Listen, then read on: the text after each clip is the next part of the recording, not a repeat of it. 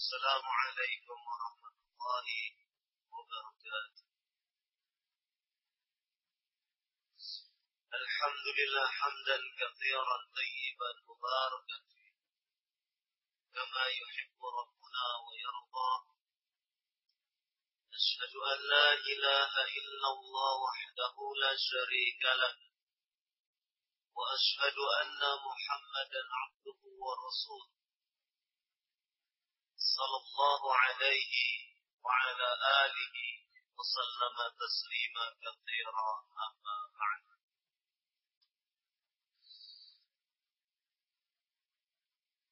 Alhamdulillah syukur kita panjatkan kepada Allah Subhanahu wa taala yang telah memberikan nikmat kepada kita hingga pada kesempatan sore hari ini dengan izin Allah Subhanahu wa taala kita diberi kekuatan untuk hadir di dalam majlis ini dalam upaya untuk taqarrub ila Allah mendekatkan diri kepada Allah mendekatkan diri kepada Allah Subhanahu wa taala dalam bentuk talabul ilmi. Menuntut ilmu.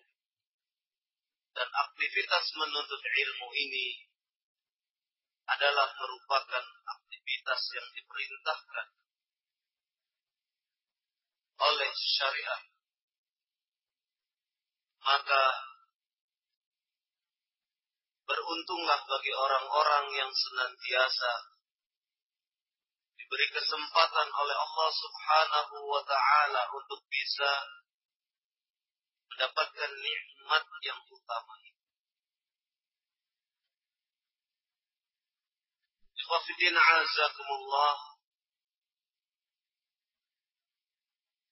Allah Subhanahu wa taala telah memberikan berbagai nikmat kepada hamba-hambanya. Nikmat-nikmat yang sedemikian agung. Sedemikian besar. Dan di antara nikmat yang sedemikian terbesar yaitu adanya atau dikaruniainya seseorang dengan nikmatul walad as-salih. Nikmatul walad as-salih nikmat mendapatkan karunia anak yang saleh merupakan nikmat dengan sebab atau lantaran. Allah dengan sebab atau lantaran. Amalun salihun liwalidayhi fi hayatihima. Adanya amal saleh dari kedua orang tuanya semasa keduanya hidup dan semasa kedua orang tua tersebut meninggal dunia. Ini adalah merupakan nikmat yang tiada akan bisa dinilai dengan apa pun. Ketika orang tua dikaruniai anak yang soleh.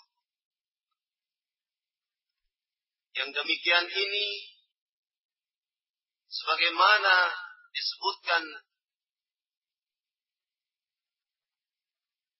hadis dari Abi Hurairah radhiyallahu anhu di mana Nabi sallallahu alaihi wa ala alihi wasallam telah mengabarkan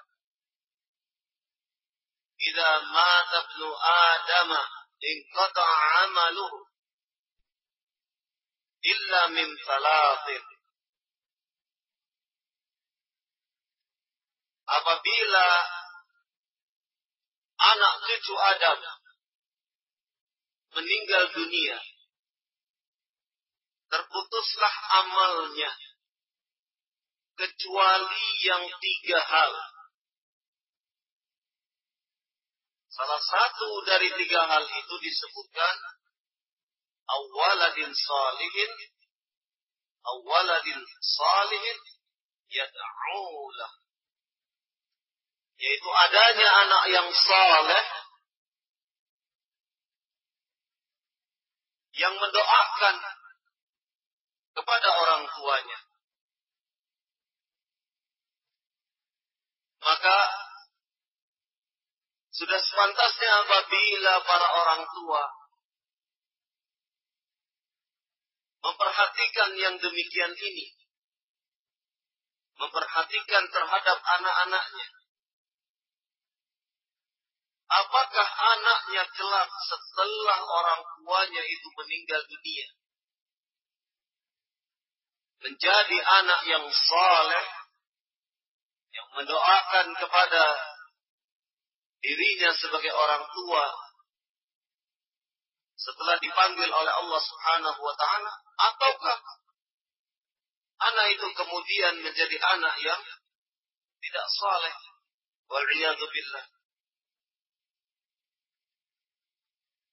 maka tidak mengherankan apabila para ambia para ambia sedemikian penuh perhatian kepada anak-anaknya.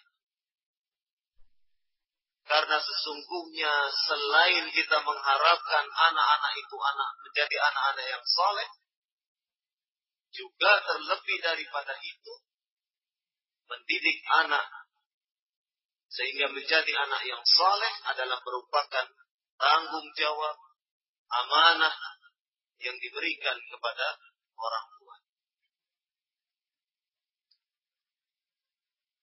Maka para ambia sedemikian penuh memperhatikan keadaan anaknya. Salah satu contoh adalah Nabi Ya'qub alaihi salatu wassalam. Ketika beliau akan meninggal dunia, saat detik-detik maut menjemput.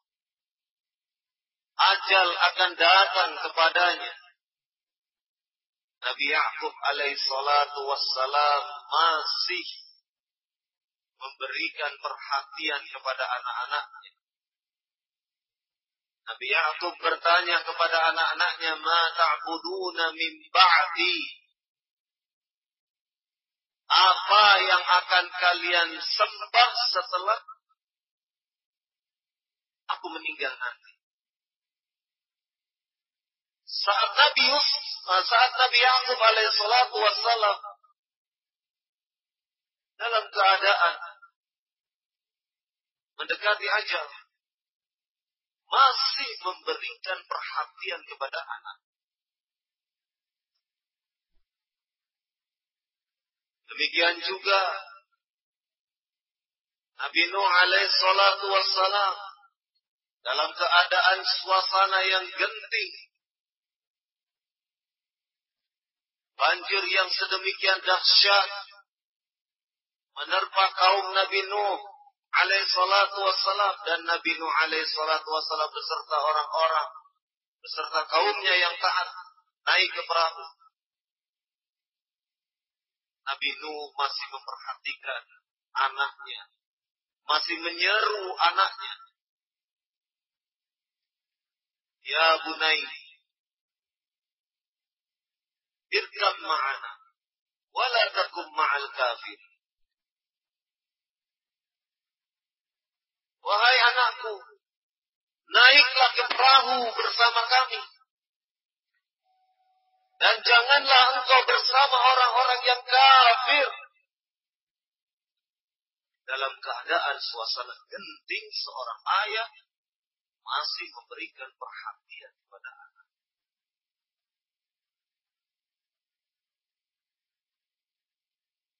Demikian juga Nabi Ibrahim alaihissalatu wassalam dalam doa-doanya menyertakan doa untuk anak-anaknya. Wajnubni wa baniya an na'budal asnam. Wahai Rabbu, jauhkanlah aku dan keturunan-keturunanku dari penyembahan terhadap berhala. Dan Al-Quran pun menyebutkan kisah Luqman. Dan Luqman ini pun memberikan perhatian kepada anaknya. Dengan memberikan nasihat. Ya bunayya la tusrik billah. Inna syirka la zulmun azim. Wahai anakku, janganlah engkau sekutukan Allah Sesungguhnya menyekutukan Allah itu adalah bentuk kezaliman yang teramat besar. Sekian banyak Al-Quran mengungkapkan tentang para orang tua yang sedemikian tetap memperhatikan keadaan anak-anaknya. Dari mulai memperhatikan dalam bentuk mendoakannya, dari mulai bentuk perhatian ketika kondisi darurat. Semua itu menunjukkan betapa terkhusus lagi adalah para anbiya as-salihin mereka sedemikian kuat memberikan perhatian kepada anak-anak. Maka ikhwafidin azakumullah. Karena selain anak-anak itu adalah merupakan nikmat yang teramat agung. Juga mendidik mereka adalah merupakan amanah yang diembankan kepada kita. Amanah yang diberikan kepada kita. Untuk mengarahkan mereka agar menjadi anak-anak yang saleh agar keadaan fitrah mereka, tauhid mereka tetap terpelihara. Karena sesungguhnya setiap anak yang lahir dia membawa fitrah. Rasulullah sallallahu alaihi wa ala alihi wasallam bersabda, "Kullu mauludin yuladu 'ala al-fitrah, fa abawahu yuhawidanihi au yunasiranihi au yumajisani. Setiap anak yang lahir mereka dalam keadaan membawa fitrah. Para ulama menyebutkan yang dimaksud yuladu alal fitrah dilahirkan dalam keadaan fitrah, ay maksudnya yaitu Anak-anak itu lahir dalam keadaan bertauhid. Dalam keadaan dia mengesahkan Allah subhanahu wa ta'ala. Maka kedua orang tuanya lah yang akan mencelut anak itu. Yang akan memberikan warna kepada anak itu. Apakah anak itu kelak menjadi Yahudikah? Menjadi Nasranikah? Menjadi majusikah, menyembah api. Kedua orang tuanya. Karena seorang anak dia akan terwarnai dengan keadaan orang tuanya. Kalau orang tuanya tidak memperhatikan pendidikan anak-anaknya, maka anak-anak itu akan tumbuh menjadi manusia-manusia yang tidak peduli kepada agama. Tidak pernah didekatkan dengan nilai-nilai agama oleh orang tuanya. Maka dia akan tumbuh menjadi manusia-manusia yang lalai dari ajaran-ajaran agama. Kecuali yang dirahmati oleh Allah Subhanahu wa taala. Oleh karenanya sebagai orang tua wajib bagi kita untuk senantiasa memberikan perhatian kepada anak-anak kita. Karena sesungguhnya perkembangan zaman ini sedemikian cepat lajunya, sedemikian dahsyat perkembangannya. Di era teknologi ini anak-anak banyak disesatkan oleh berbagai media, baik itu media komunikasi, media massa, ataupun yang lain. Anak-anak yang masih seusia 9, 10 tahun, bahkan di bawah itu sudah memahami masalah-masalah yang tidak sepatutnya untuk dia paham. Masalah-masalah orang dewasa masalah-masalah pornografi dan seterusnya.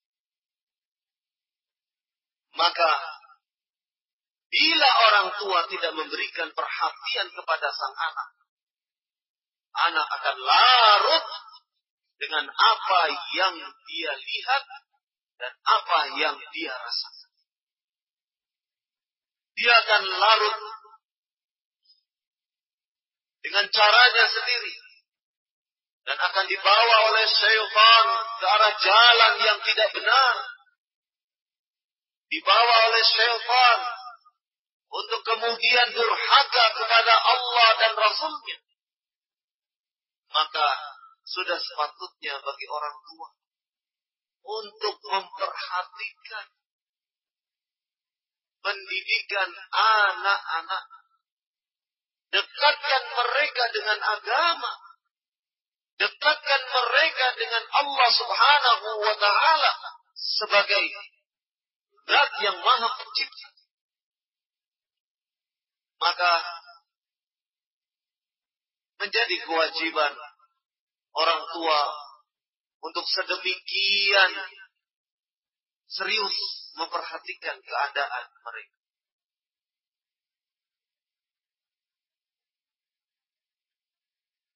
Orang tua di zaman sekarang sebahagian dari mereka begitu sangat perhatian terhadap usaha bisnis. Sampai-sampai kalau bisnisnya akan menemui kegagalan, dia begitu cemas, begitu khawatir. Dia upayakan dengan berbagai macam cara agar bisnisnya jangan sampai kolaps agar bisnisnya jangan sampai kemudian mendatangkan kerugian. Dia jaga benar-benar harta kekayaannya. Dia jaga benar harta bisnisnya. Siang malam. Siang malam. Dia upayakan agar bisnisnya tetap bisa berlangsung. Kenapa demikian? Karena dia akan mengatakan bahwasanya bisnis ini, investasi yang telah dia tanam, investasi yang sedemikian besar. Dia tidak mau rugi. Karena apa? Karena investasinya besar. Padahal, kalau kita mau berhitung, anak ini pun merupakan investasi bagi orang tuanya. Sebagaimana tadi disebutkan dalam hadis Abi Hurairah radhiyallahu anhu, kalau dia menjadi anak yang soleh dan orang tuanya sudah wafat, siapa akan berdoa? Anaknya. Anaknya yang mendoa. Jangan sampai kita meninggal dunia Anak kita sendiri tidak tahu harus mengurus jenazah tubuh kita yang sudah terbujur menjadi jenazah. Anak kita sendiri tidak mengetahui bagaimana cara merawat.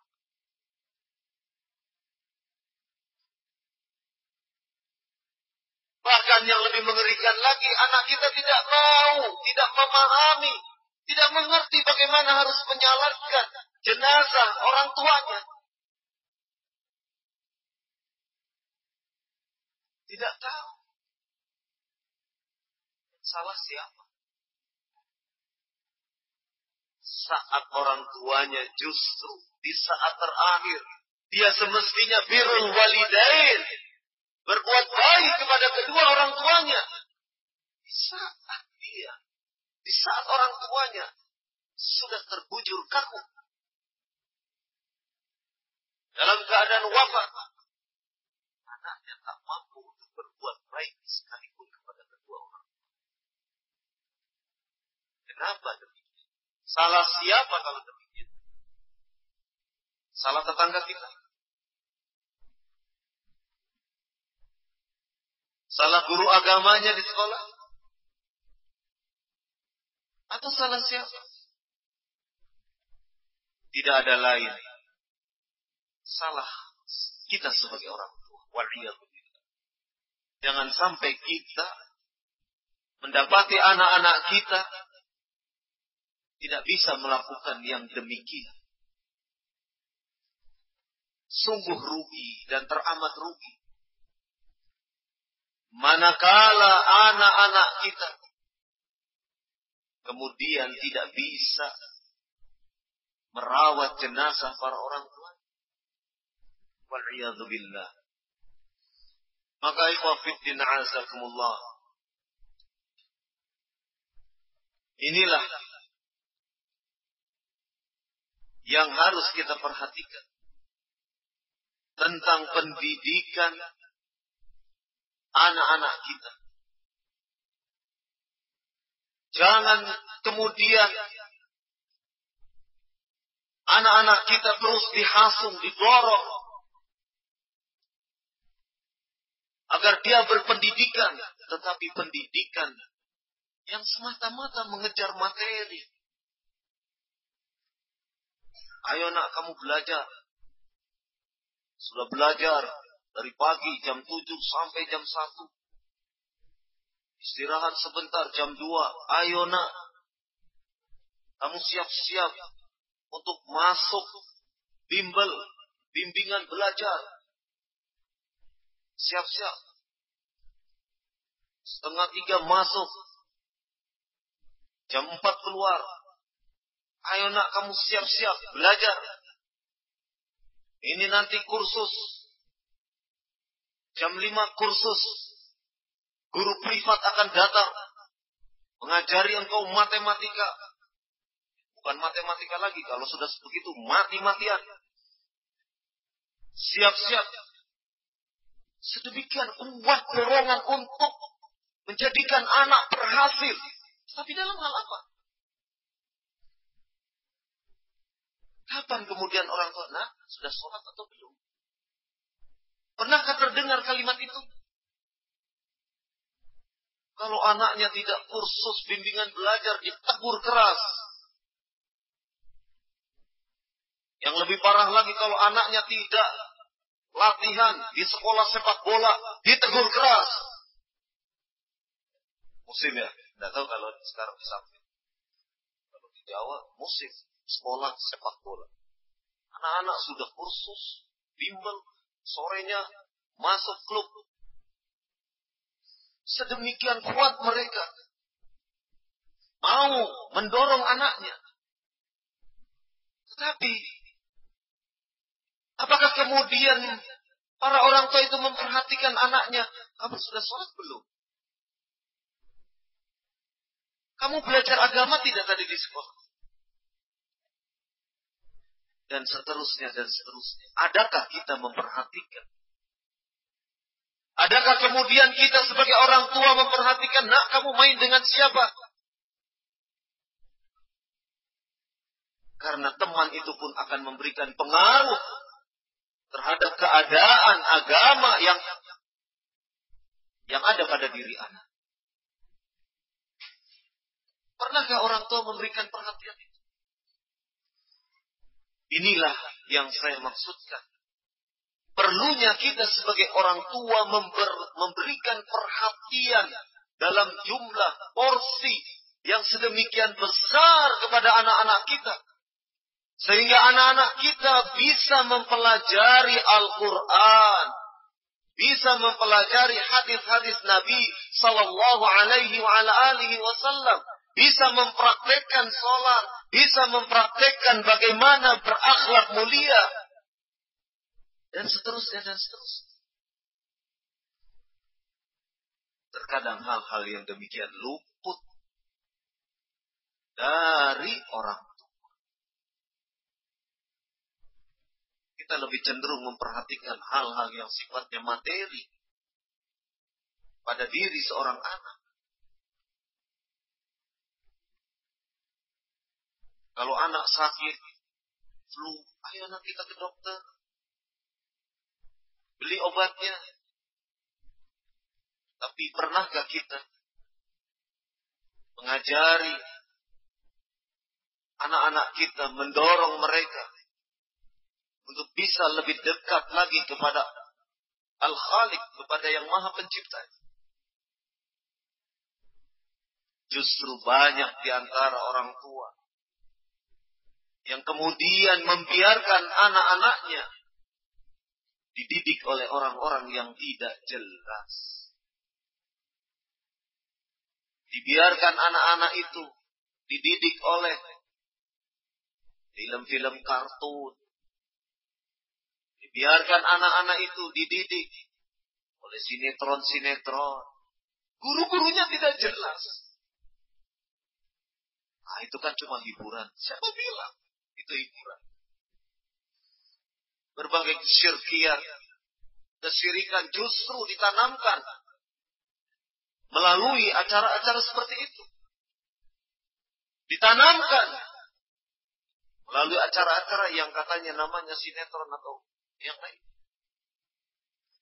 Saya pernah dalam sebuah perjalanan membaca di sebuah iklan pinggir jalan. Iklan itu memang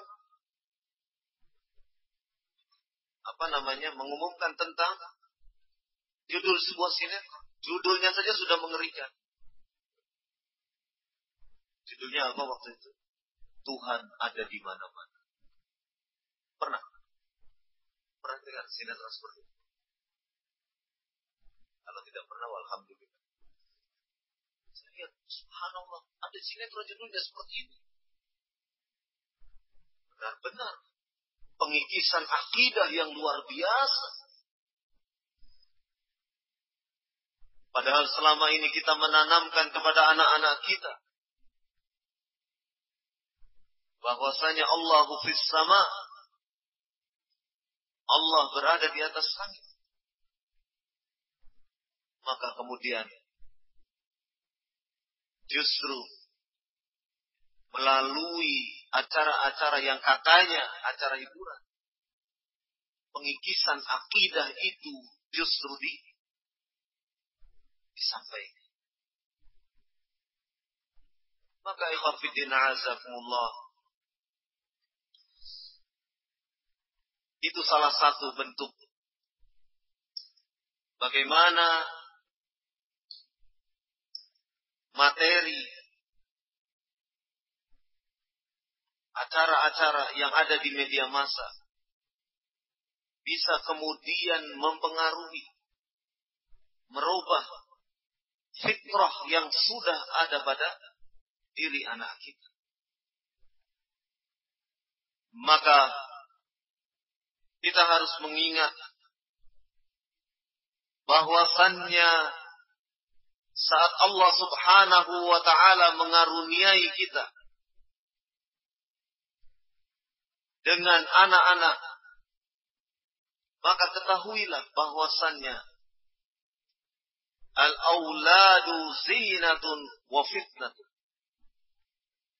Anak-anak itu bisa menjadi perhiasan bagi orang tuanya.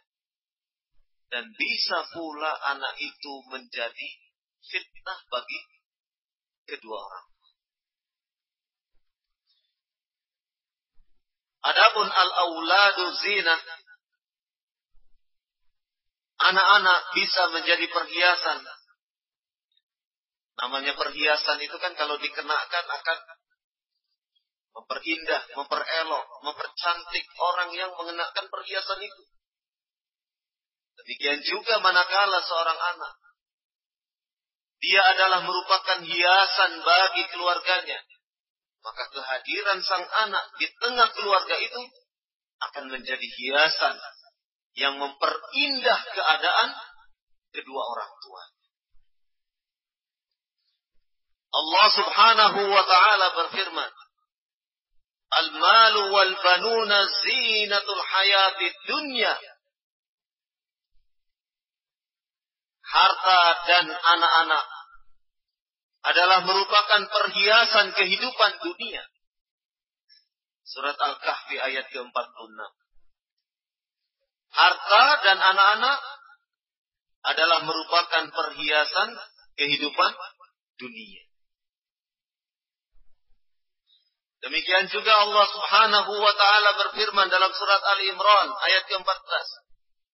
Zuyyina lin-nasi hubbus syahwati minan nisa'i wal banina wal qanatiril muqantarah min adh-dhahabi wal fiddati wal khailil musawwamah wal an'ami wal harth Dzalika mata'ul hayatid dunya.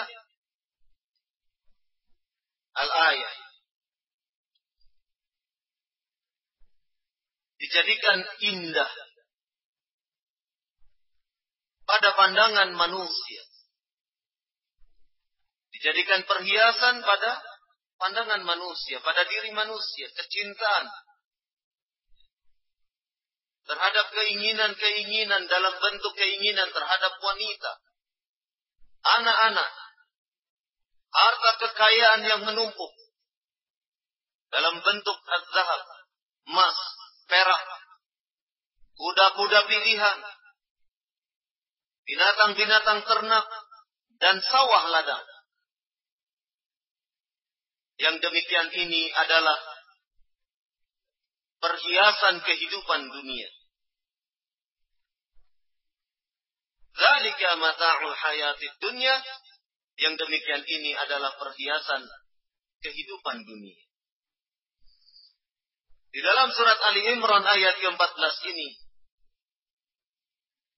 menyebutkan Allah Subhanahu wa taala menyebutkan al-banin anak-anak merupakan salah satu dari bentuk perhiasan kehidupan dunia. Namun demikian, kita pun juga harus mewaspadai bahwasannya anak itu bisa menjadi fitnah, ujian, cobaan bagi orang tuanya.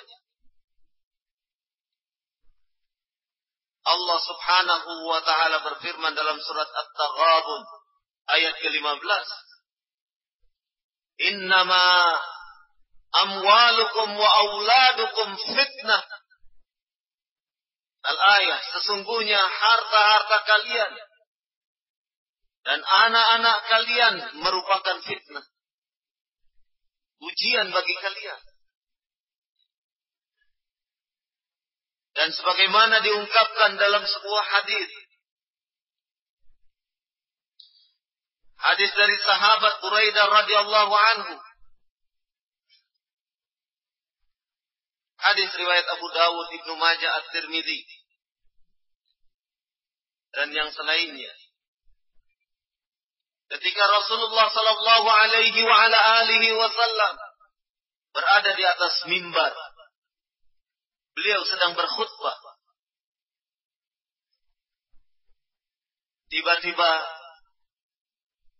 dari hadapan beliau datang cucu beliau Al Hasan wal Husain Keduanya berjalan. Kemudian keduanya terjatuh. Kedua cucu beliau menggunakan komis, baju berwarna merah. Maka Rasulullah Sallallahu Alaihi Wasallam melihat kedua cucunya terjatuh. beliau turun dari mimbar dan meraih kedua cucunya.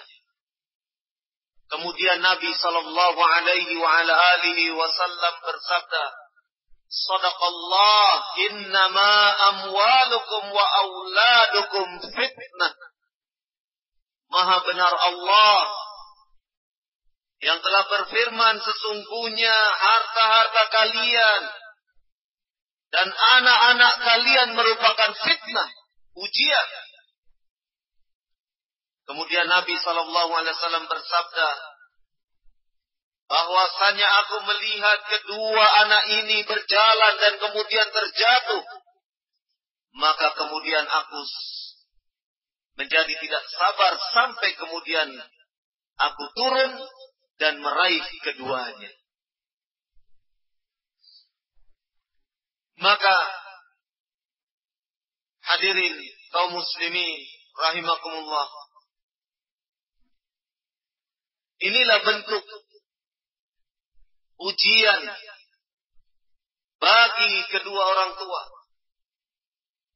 Dan tentunya kita sebagai orang tua harus benar-benar memperhatikan, mengawasi keadaan anak-anak kita. Di antara bentuk perhatian kita kepada anak-anak kita, yaitu sering mungkin kita berkomunikasi dengan mereka. Manakala anak-anak kita bermain, tanya, main di mana engkau? Tadi main di mana? Ditanya pula main dengan siapa? Dan seterusnya. Karena seorang teman bisa mempengaruhi sedemikian besar keadaan anak-anak.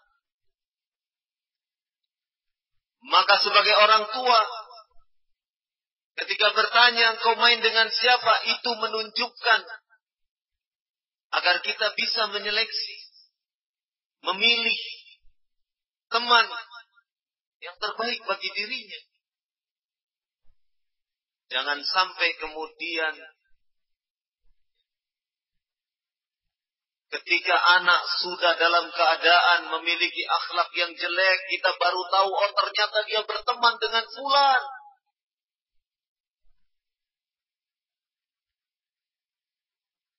Ketika anak kemudian sudah terjerat narkoba, kemudian oh bermain dengan fulan. Hindari pula terlambat.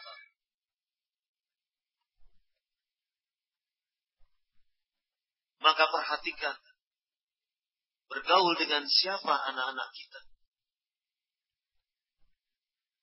Apalagi kehidupan kita. Kita hidup di tengah masyarakat yang heterogen, yang beraneka ragam, bermacam-macam, Jangan sampai kemudian teman-teman anak-anak kita adalah teman-teman yang memberikan pengaruh yang negatif. Waliyahzubillah. Terlebih lagi mem memberikan pengaruh pemahaman agama yang tidak benar. Kita perhatikan pula anak kita dididik di mana? Jangan sampai kita tidak memperhatikan hari ini dia belajar apa. Ternyata diajari akidah yang tidak benar. Seperti tadi contoh. Gurunya mengajarkan Allah ada di mana-mana. Bisa. Gurunya mengajarkan sifat Allah dibatasi 20 saja. Bisa. Kan ada tuh tidak bahwa mukhalal fatu bilawadir. Nah, itu kan. Seingat enggak? Cari.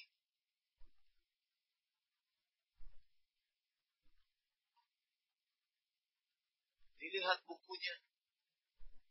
Perhatikan buku-bukunya. Diajari apa anak-anak kita? Maka kita sebagai orang tua harus memperhatikan yang demikian ini.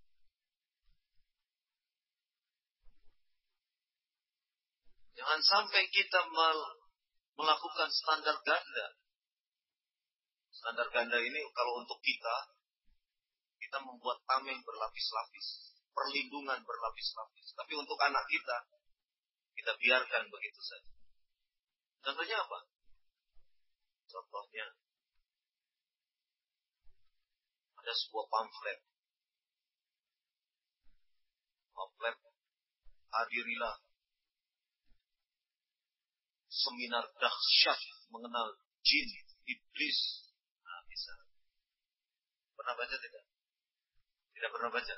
Kalau saya pernah baca di samping. Pembicaranya fulan, fulan, fulan, fulan. Kemudian, itu mau hadir gak ini? Enggak. Kenapa? Wah itu ustaznya bukan ahlu sunnah dan salah. Iya kan? Untuk diri kita dibuat apa? Amin berlapis. Tak mau saya menghadiri seperti itu. Ini bagus. Tapi kok kenapa ketika anak kita diajari oleh orang-orang yang tidak jelas akidah manhajnya, kok kita biarkan? Nah, kamu belajar apa? Belajar ini. Belajar agama ini. Siapa guru agama? Pak Fulan. Dari mana dia? Oh, lulusan perguruan tinggi. Kenapa untuk anak kita? Boleh belajar agama dengan orang lain. Yang tidak jelas manhaj akidah. Dan tidak jelas dia mengambil ilmu agama dari mana. Kenapa untuk anak kita dibolehkan? Sementara untuk diri kita, kita tidak mau menerima. Bukankah Allah subhanahu wa ta'ala telah bersabda, Ya ayyuhalladzina amanu, u anfusakum wa ahlikum nara. Wahai orang-orang yang beriman, jagalah diri-diri kalian wa ahlikum dan keluarga kalian. Anak kita termasuk keluarga bukan? Anak kita termasuk keluarga. Kita diperintah untuk menjaga anak kita. Menjaga istri kita. Naro dari siksa api neraka.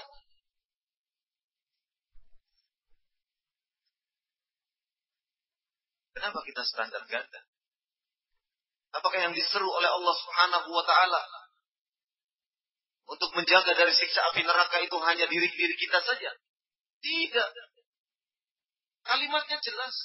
U anfusakum wa ahlikum nar. Jaga diri-diri kalian dan keluarga kalian. Kenapa untuk kita kita tidak mau hadir di majelis-majelis yang di situ para pengajarnya bukan dari kalangan ahlus sunnah tetapi kenapa untuk anak-anak kita? Bahkan mungkin untuk istri kita. Kenapa mereka dibiarkan? Bahkan tidak hanya dibiarkan, kita antar anak kita. Untuk mendapatkan pelajaran-pelajaran. Yang bukan berasal dari ahli Standar ganda. Padahal di dalam surat At-Tahrim sangat tegas, sangat jelas. Kita diperintah untuk menjaga diri kita dan keluarga kita. Maka ikhwafidin azakumullah. Kenapa demikian ini perlu kita perhatikan? Karena yang demikian ini pun termasuk perhatian kita. Dan termasuk tanggung jawab kita. Kata Nabi Shallallahu Alaihi wa ala alihi Wasallam berdasarkan hadis dari Abdullah bin Umar radhiyallahu anhu. Kullukum ra'in wa kullukum mas'ulun an ra'iyati. Setiap diri kalian itu adalah penggembala, pemimpin. Dan setiap pemimpin kelak akan dimintai pertanggungjawaban di hadapan Allah Subhanahu wa taala atas apa yang telah ia pimpin. Kita sebagai pimpinan rumah tentu kelak akan dimintai pertanggungjawaban di hadapan Allah Subhanahu wa taala. Dikemanakan istri dan anak-anak kita? Dididik oleh siapa istri dan anak-anak kita? Sehingga kemudian mereka mendapatkan pemahaman-pemahaman yang tidak benar tentang agama ini.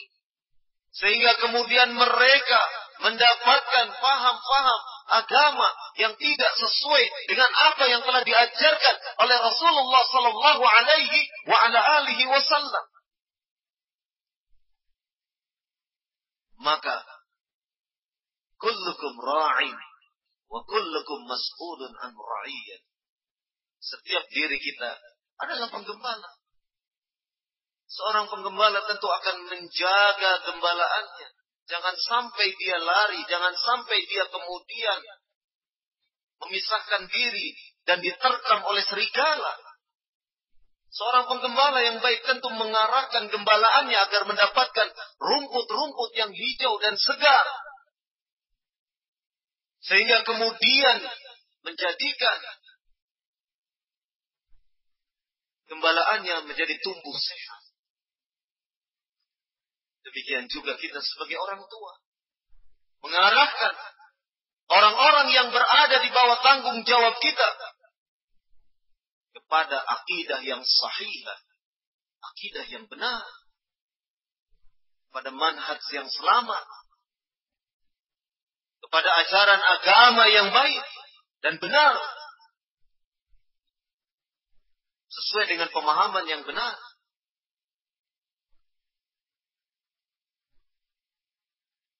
Jangan sampai kemudian sesal di kemudian hari. Wal'iyadzubillah. Kita berlindung kepada Allah subhanahu wa ta'ala.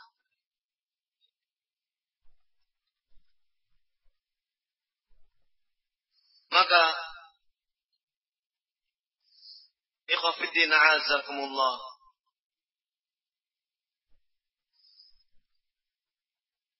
Sangat besar kita menaruh perhatian anak kita kepada anak kita. Usia kita di dunia ini tidak lama.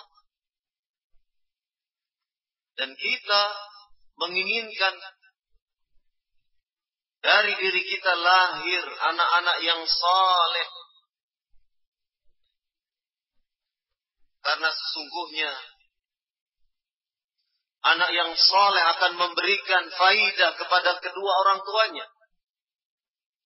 Sebagaimana hadis riwayat Muslim tadi, "Idza mata ibnu Adam, inqata 'amalu illa min thalath." Sadaqatin jariyatin aw ilmin yuntafa'u bihi awaladin salihin yad'ulah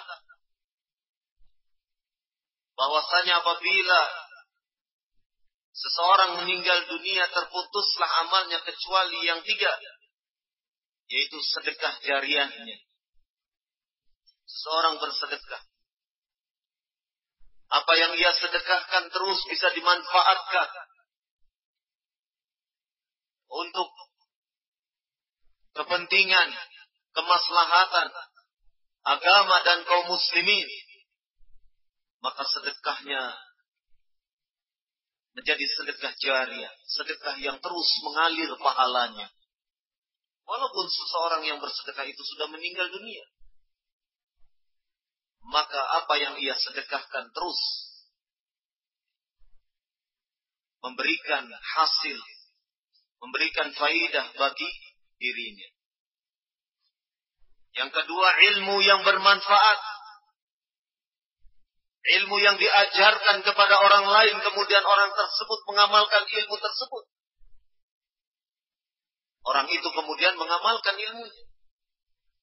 Maka ilmu yang demikian adalah ilmu yang bermanfaat. Dan terus pahalanya.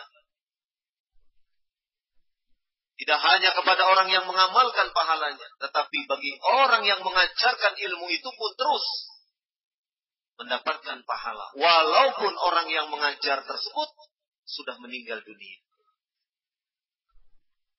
Yang ketiga adalah anak yang soleh. Anak yang baik. Yang dia mendoakan kepada orang tuanya.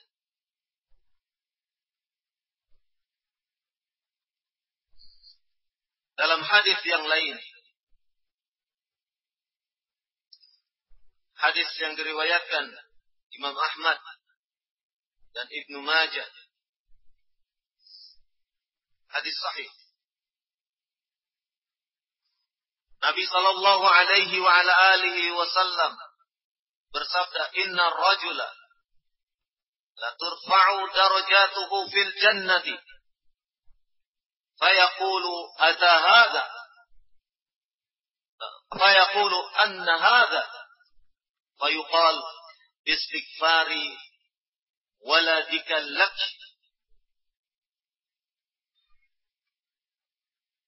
Sesungguhnya seseorang ditinggikan derajatnya di dalam surga.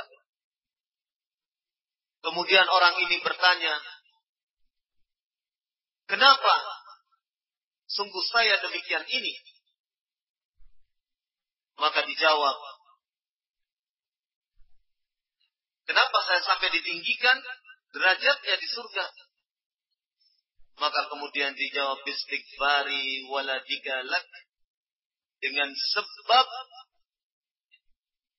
permohonan ampun anakmu permohonan kepada Allah Subhanahu wa taala agar mengampuni dosa-dosa orang tuanya permohonan atas permohonan ampun orang uh, anakmu untuk diri. Anaknya memohonkan ampun terus kepada Allah Subhanahu wa taala atas dosa-dosa orang tua. Sehingga kemudian orang tuanya ditinggikan derajat oleh Allah Subhanahu wa taala. Sekarang Bagaimana sehingga anak itu terus mendoakan, memohonkan ampun untuk kedua orang tuanya? Kalau semasa hidupnya orang tuanya tidak pernah mendekatkan anak itu dengan ajaran agama, tidak mendekatkan anak itu dengan Al-Quran, tidak mendekatkan mereka anak-anaknya itu dengan as-sunnah, tidak dikenalkan dengan agama yang baik dan benar. Tidak diajari. Bagaimana mungkin anak kemudian bisa memohonkan Kecuali anak-anak yang dirahmati oleh Allah Subhanahu wa Ta'ala. Maka hadirin yang semoga senantiasa dirahmati oleh Allah Subhanahu wa taala. Tentu kita menginginkan anak-anak kita tumbuh menjadi anak-anak yang soleh. Maka sudah sepantasnya apabila semasa hidup kita, selama kita masih menjadi orang tua mereka, yang masih diberi kesempatan oleh Allah Subhanahu wa taala maka untuk sesegera mungkin kita membenahi, mendidik anak-anak kita dengan adab yang baik. Mendidik anak-anak anak-anak kita dengan tuntunan bimbingan apa yang telah dicontohkan oleh salafun saleh. Mereka didik anak-anak mendekatkan, eh, mereka didik anak-anaknya dengan didekatkan kepada Al-Quran kepada as-sunnah. Sejak awal, sejak dini, Al-Quran dan As-Sunnah sudah dikenalkan. Sudah didekatkan kepada mereka. Ini adalah bentuk kesungguhan kita sebagai orang tua mengarahkan kepada anak-anak untuk mencintai Al-Quran, mencintai As-Sunnah, mengamalkannya di dalam kehidupan sehari-hari. Kita pun sebagai orang tua senantiasa membekali diri, rajin ta'lim sehingga ilmu yang ada pada diri kita pun bertambah. Sehingga ketika mendidik anak kita, kita mengetahui berdasarkan ilmu.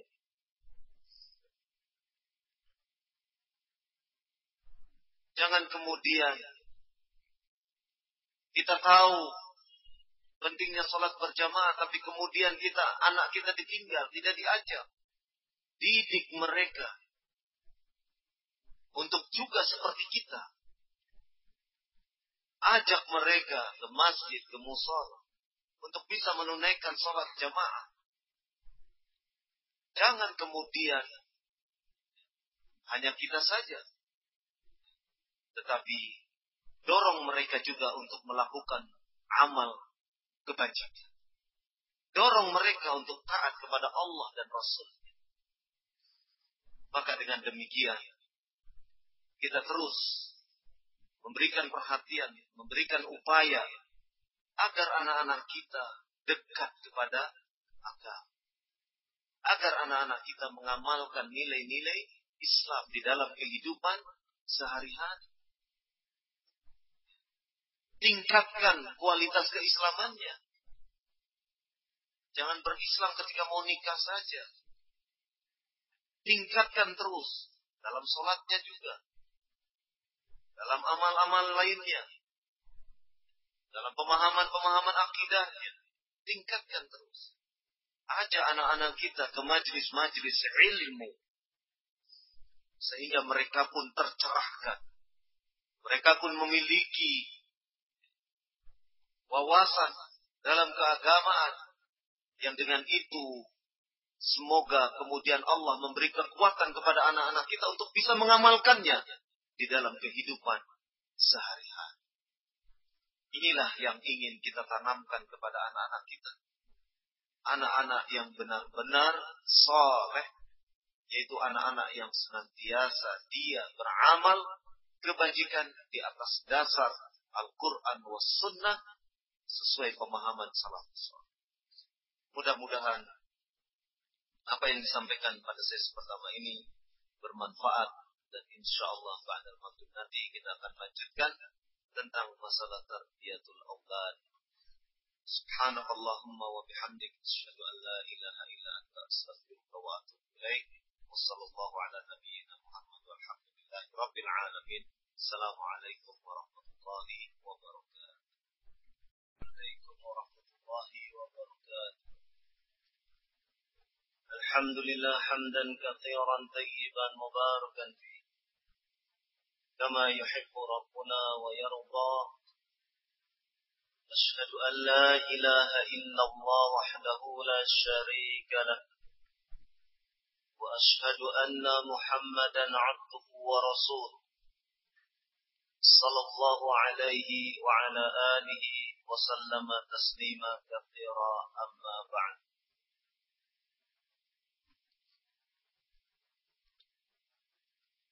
Pada sesi yang pertama tadi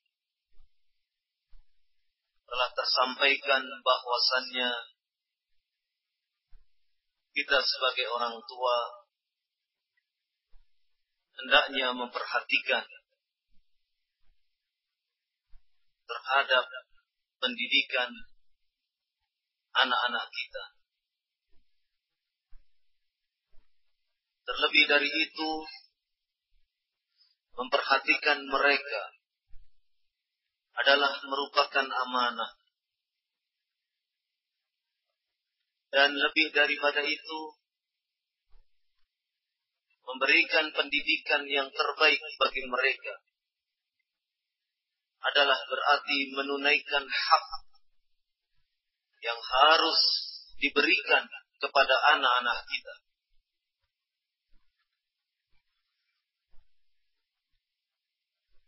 Kita sangat prihatin apabila ada dari kalangan orang tua yang tidak memperhatikan aspek pendidikan kepada anak-anak. Dalam pengertian pendidikan di sini adalah pendidikan yang bersifat keagamaan yang itu merupakan sesuatu yang diperintahkan oleh Allah Subhanahu wa taala kepada para orang tua untuk menanamkan nilai-nilai agama. Rasulullah sallallahu alaihi wa ala alihi wasallam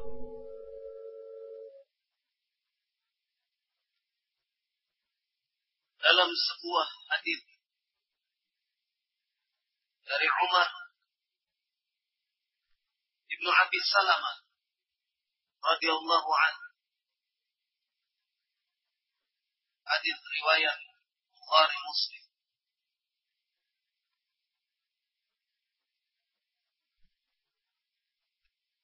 Kata Umar ibnu Abi Salamah radhiyallahu anhu,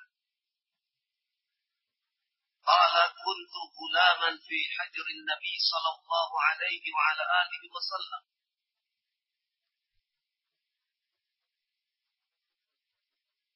saya waktu kecil, ketika saya kecil, berada dalam asuhan Nabi Sallallahu Alaihi Wasallam. Wakanat yadi tadisu fi sahfati. Dan kemudian tanganku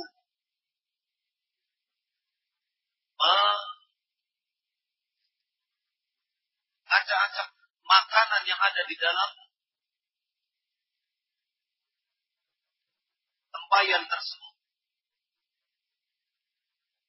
Faqala li Rasulullah sallallahu alaihi wasallam Kemudian Nabi sallallahu alaihi wasallam menasehatiku Ya gulamu sabbillah Wahai anak sebutlah nama Allah. Wakul biyaminik dan makanlah dengan tangan kananmu. Wakul mimma yaliki dan makanlah dari apa yang dekat denganmu.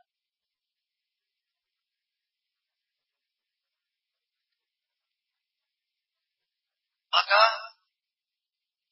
dari hadis Nabi Sallallahu Alaihi wa ala Wasallam ini kita mendapatkan beberapa pelajaran penting terkait pendidikan anak. Kita melihat dalam hadis ini bagaimana Nabi Shallallahu Alaihi wa ala alihi Wasallam memberi teguran kepada seorang anak yang melakukan kesalahan,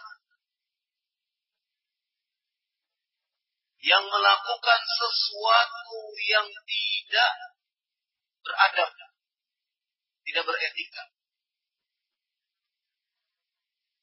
Nabi Shallallahu Alaihi Wasallam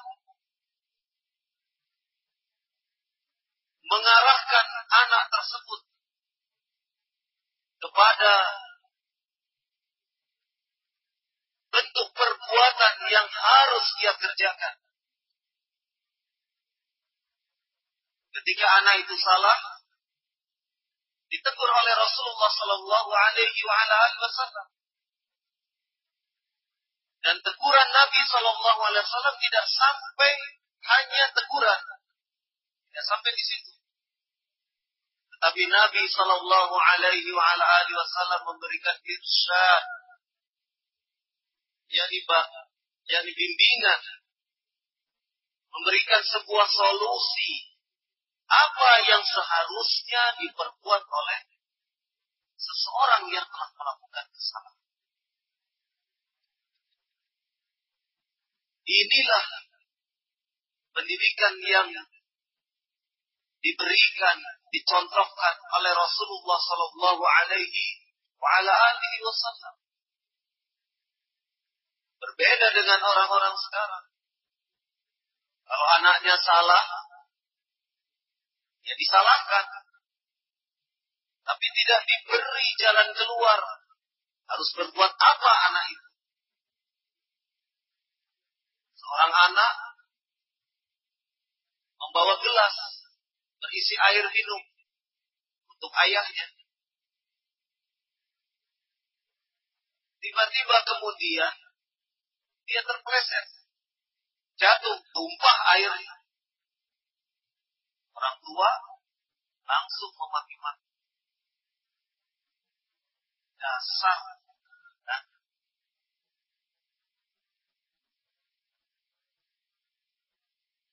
Mana matamu? Kan begitu.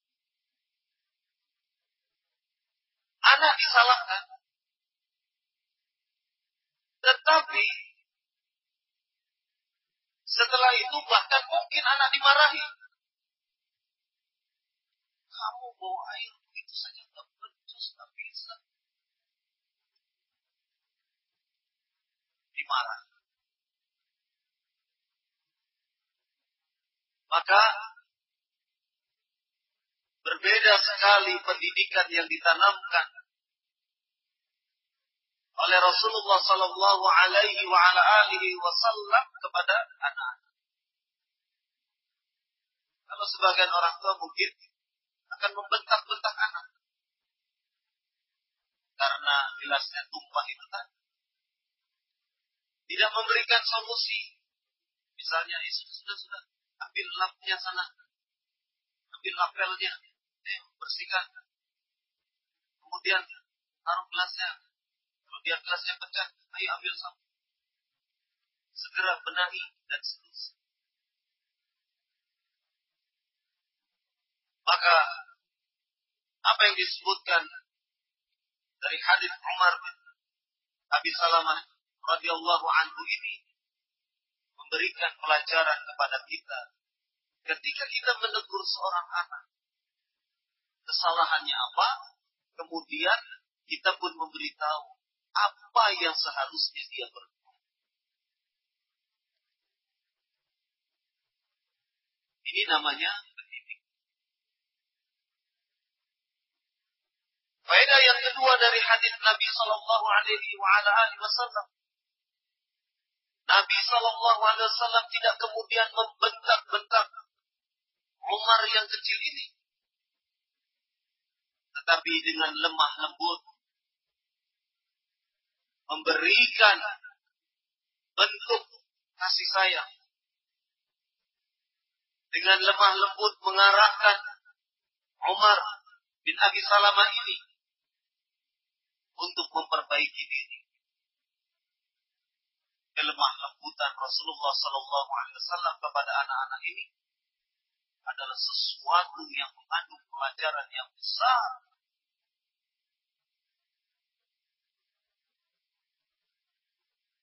Dan inilah yang ditanamkan di dalam agama kita. Senantiasa mengedepankan tentang kelemah lembutan. Mengedepankan sikap-sikap rahmat. Jangan salahkan. Kalau sering terjadi tawuran antar kampung. Kenapa demikian? Karena sejak kecil anak-anak itu sudah dididik dengan pola-pola kekerasan. Pola-pola kekerasan sudah ditanamkan sejak anak-anak kecil. Anak salah, ambil rotan, hantam, tanpa mengetahui anak itu kesalahannya apa. tanpa dijelaskan letak kesalahannya di mana dan kemudian apa yang harus dia perbaiki dari kesalahan tersebut. Tiba-tiba rotan yang sudah berbunyi. Pola-pola kekerasan sudah ditanamkan sejak kecil. Orang tuanya bertengkar di hadapan anaknya. Saling mencaci, saling memaki di hadapan anak. Itu artinya memberikan pendidikan yang tidak baik kepada anak. Menanamkan sesuatu yang tidak baik pada kepribadian anak. Sehingga kemudian anak meniru. Apalagi kalau suaminya menampar pipi istrinya. Dilihat oleh anaknya. Maka jangan salahkan kalau kemudian anak kita. Wa'iyadzubillah. Kemudian menampar adiknya. Kenapa demikian? Karena sudah diberi contoh oleh orang tua. Ini pola-pola kekerasan di dalam pendidikan anak. Senantiasa dikedepankan. Dan yang demikian ini sangat-sangat disayangkan. Karena sebenarnya agama ini mendidik umatnya lebih mengedepankan sikap rahmah, sikap belas asih, penuh kasih sayang. Rasulullah Sallallahu Alaihi wa ala alihi Wasallam dalam sebuah hadis dari Aisyah radhiyallahu anha, hadis riwayat Muslim. Aisyah radhiyallahu anha mengungkapkan, menceritakan tentang keadaan Nabi sallallahu alaihi wasallam.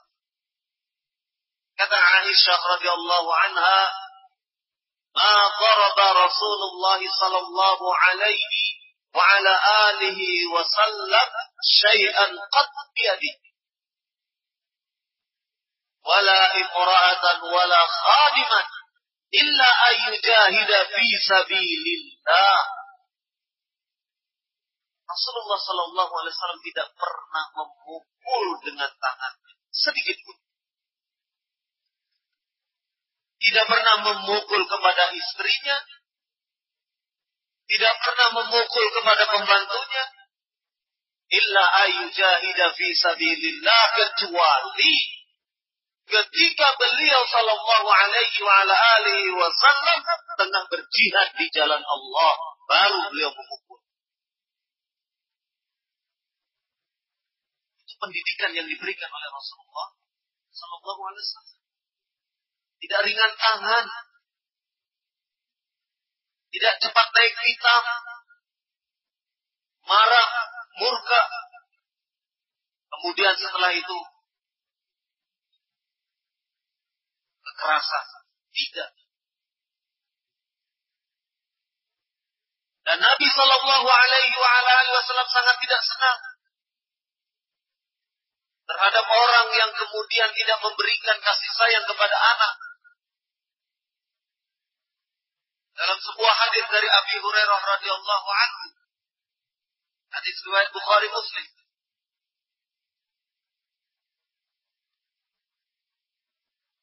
قال أبو هريرة رضي الله عنه قبل النبي صلى الله عليه وعلى آله وسلم الحسن ابن علي رضي الله عنهما وعنده الأقرع ابن حابس. فقال العقرع إن لي asyara minal walad ma qabbaltum minhum ahada kata Abu Hurairah radhiyallahu anhu beliau bertutur Nabi Shallallahu Alaihi wa ala alihi Wasallam mencium cucunya yang bernama Al Hasan bin Ali bin Abi Thalib Ketika Nabi Shallallahu Alaihi Wasallam mencium cucunya, di sisi beliau ada seorang sahabat bernama Al Aqra bin Habis radhiyallahu anhu. Maka kemudian Al-Aqra menyatakan, aku memiliki sepuluh orang anak. Tapi tak satu pun dari ke sepuluh anakku itu pernah aku cium. Tidak pernah. Aku memiliki sepuluh orang anak. Tetapi tidak satu pun yang pernah aku cium.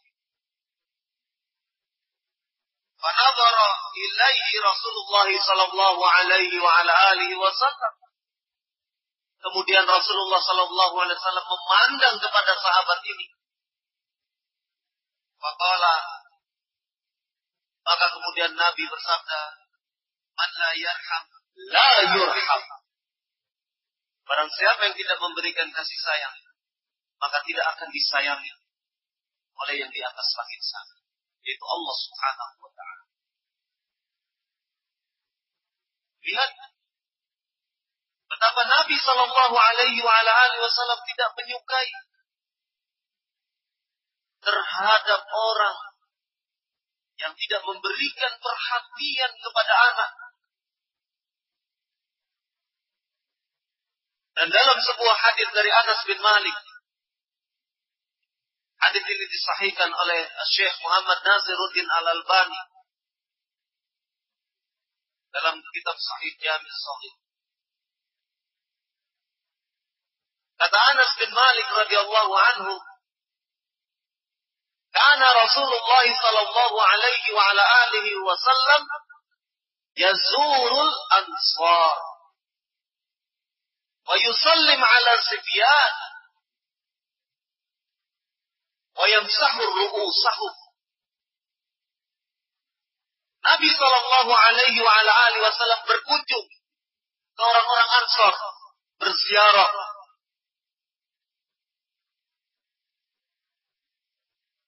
Kemudian Nabi Shallallahu Alaihi wa ala alihi Wasallam memberi salam kepada anak-anak. Wayamsahu ru'usahum. Kemudian Nabi Shallallahu Alaihi Wasallam mengusap-usap kepala anak. Mengusap-usap kepala anak-anak Ansor ini. Di dalam riwayat lain disebutkan wa dan kemudian Nabi mendoakan mereka. Lihat, Betapa Nabi Shallallahu Alaihi Wasallam saat berkunjung ke tempat lain, saat berkunjung mengunjungi sahabat-sahabat dari kalangan Ansar, tidak melupakan anak-anak. Ini menunjukkan bahwasannya Rasulullah Shallallahu Alaihi Wasallam memiliki sikap rahmat. Dan begitulah yang dicontohkan kepada umatnya untuk senantiasa mengedepankan sikap rahmah ini, sikap belas, belas kasihan. Terkhusus di dalam masalah pendidikan anak. Oleh karena itu, apabila kita seorang pendidik, entah kita ini adalah orang tua kah, atau mungkin seorang ustadz kah, guru kah,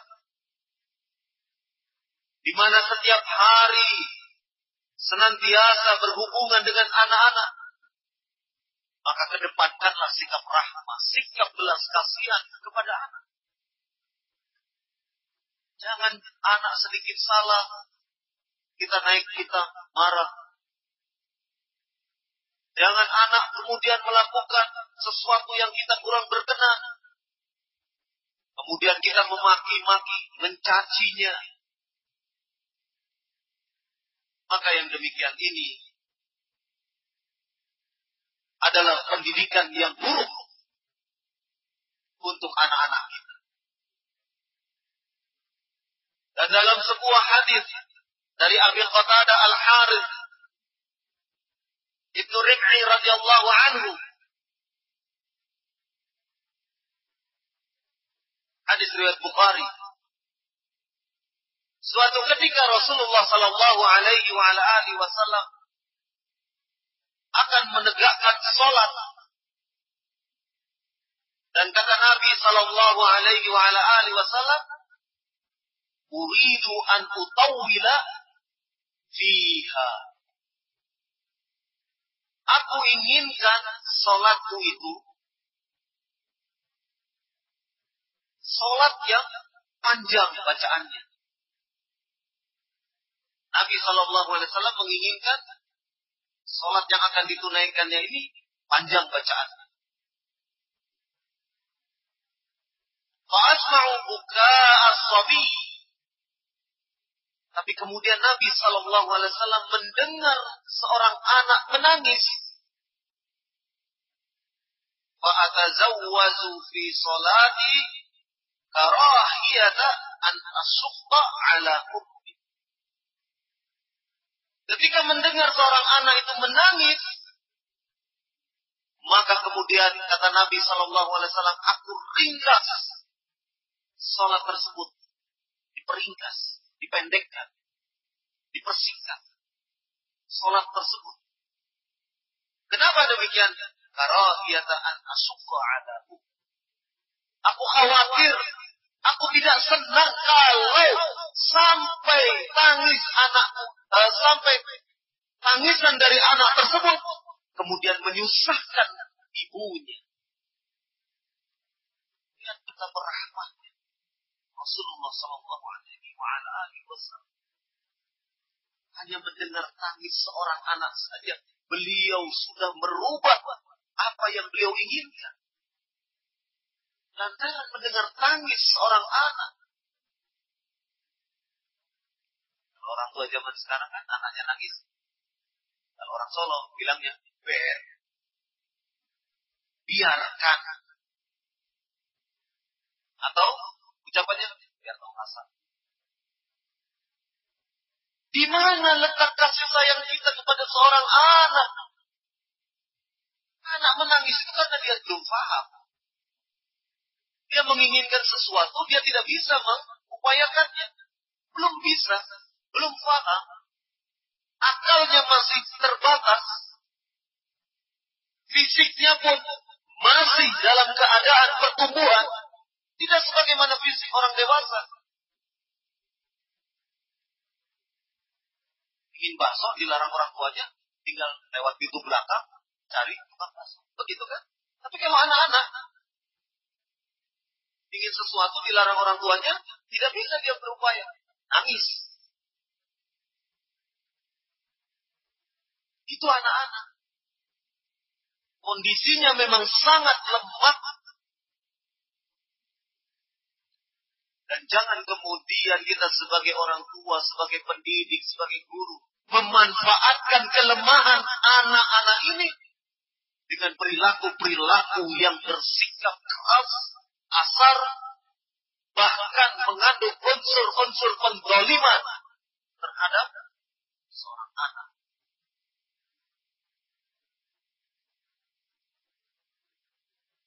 Pendidikan anak di dalam agama ini senantiasa mengedepankan sikap rahmat. Sikap yang senantiasa akan memberikan kebaikan.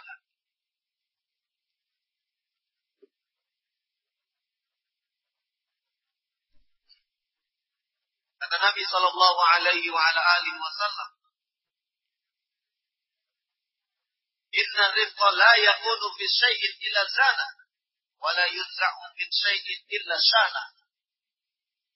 Sikap lemah lembut itu sesungguhnya sifat lemah lembut itu kalau dia ada pada sesuatu maka niscaya sesuatu itu akan menjadi sesuatu yang indah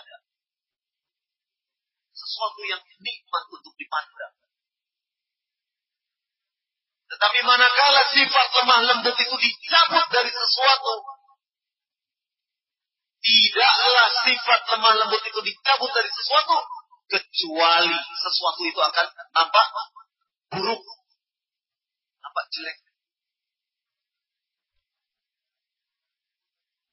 Maka ketika seseorang bersikap lemah lembut di dalam mendidik anak-anaknya, maka keindahan itu akan nampak. Namun sebaliknya manakala kelemah lembutan itu dicabut, yang ada hanyalah kekerasan demi kekerasan. Sedikit salah pukul, sedikit salah caci maki, sedikit salah dilempar, maka tidak ada lain yang ada kecuali hanya keburukan. Hanya kejelekan. Dan dengan pendidikan yang model seperti itu, maka itu berarti akan menjadikan anak-anak itu anak-anak yang menyukai kepada pola-pola kekerasan. Mungkin kepada orang tuanya kelihatannya anak itu pendiam. Tapi ke teman-temannya main pukul, main jotos, main caci maki, atau bahkan mungkin ke adiknya, atau kepada siapa pun yang sekiranya menurut sang anak ini adalah seseorang yang lemah, maka dia akan melakukan tindakan-tindakan kekerasan. Maka agama ini agama yang mulia, yang mengajarkan kelemah lembutan. Dalam sebuah hadis dari Aisyah radhiyallahu anha, hadis riwayat Muslim, Inna Allah ar-rafiq yuhibbur rifqa fil amri kulli. Inna Allah rafiq. Sesungguhnya Allah itu adalah zat yang maha lemah lembut. Dan dia Allah subhanahu wa ta'ala menyukai kelemah lembutan di dalam setiap urusan. Di segala perkara Allah subhanahu wa ta'ala menyukai kelemah lembutan. Maka sudah saatnya bagi kita untuk mengedepankan sikap rahmah ini. Sehingga kepribadian anak tertanam pada kepribadian anak sikap lemah lembut ini. Kalau sejak kecil dibiasakan keras, keras, keras, keras. Bahaya ini kalau anak sudah dewasa nanti. Nanti dia jadi jadi dai misalnya. Wah, yang ada kekerasan Lisannya juga mengeluarkan kata-kata yang keras, tidak santun. Kalau dai seperti ini kira-kira masyarakat akan menerima.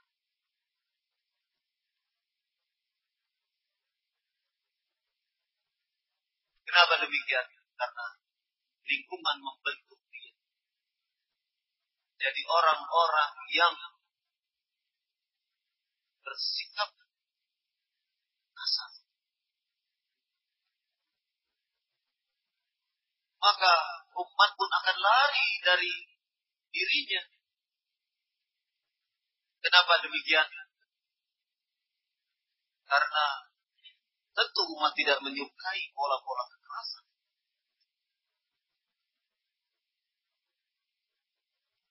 Maka hadirin kaum muslimin rahimahumullah. Demikianlah yang diajarkan di dalam agama terkhusus dalam masalah bab tentang pendidikan adab bagi anak-anak kita. Ketika kita menampilkan kelemah lembutan, itu sebenarnya sebuah pendidikan yang sangat bagus. Kita tidak perlu banyak bicara kepada anak. Nah, kamu jangan kasar. Tapi kita memberi contoh langsung. Ketika kita berbicara, bicara dengan santun. Jangan anak salah sedikit. Nama-nama binatang yang keluar. Dasar nama-nama binatang disebutkan satu satu.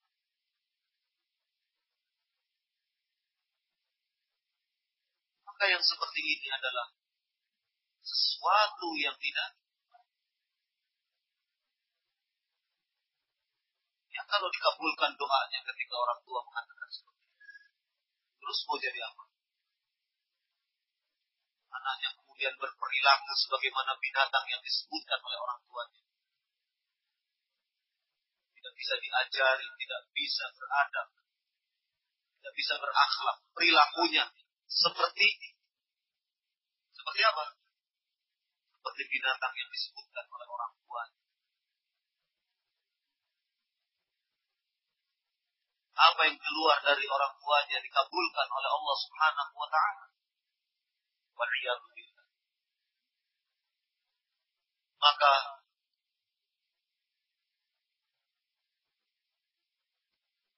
pola pendidikan kepada anak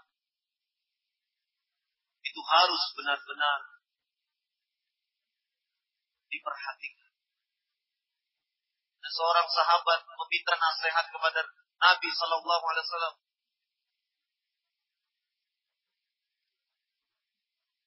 Ya Rasulullah Ausi, wahai Nabi Shallallahu Alaihi Wasallam, nasihati aku. Apa nasihat Nabi Shallallahu Alaihi Wasallam?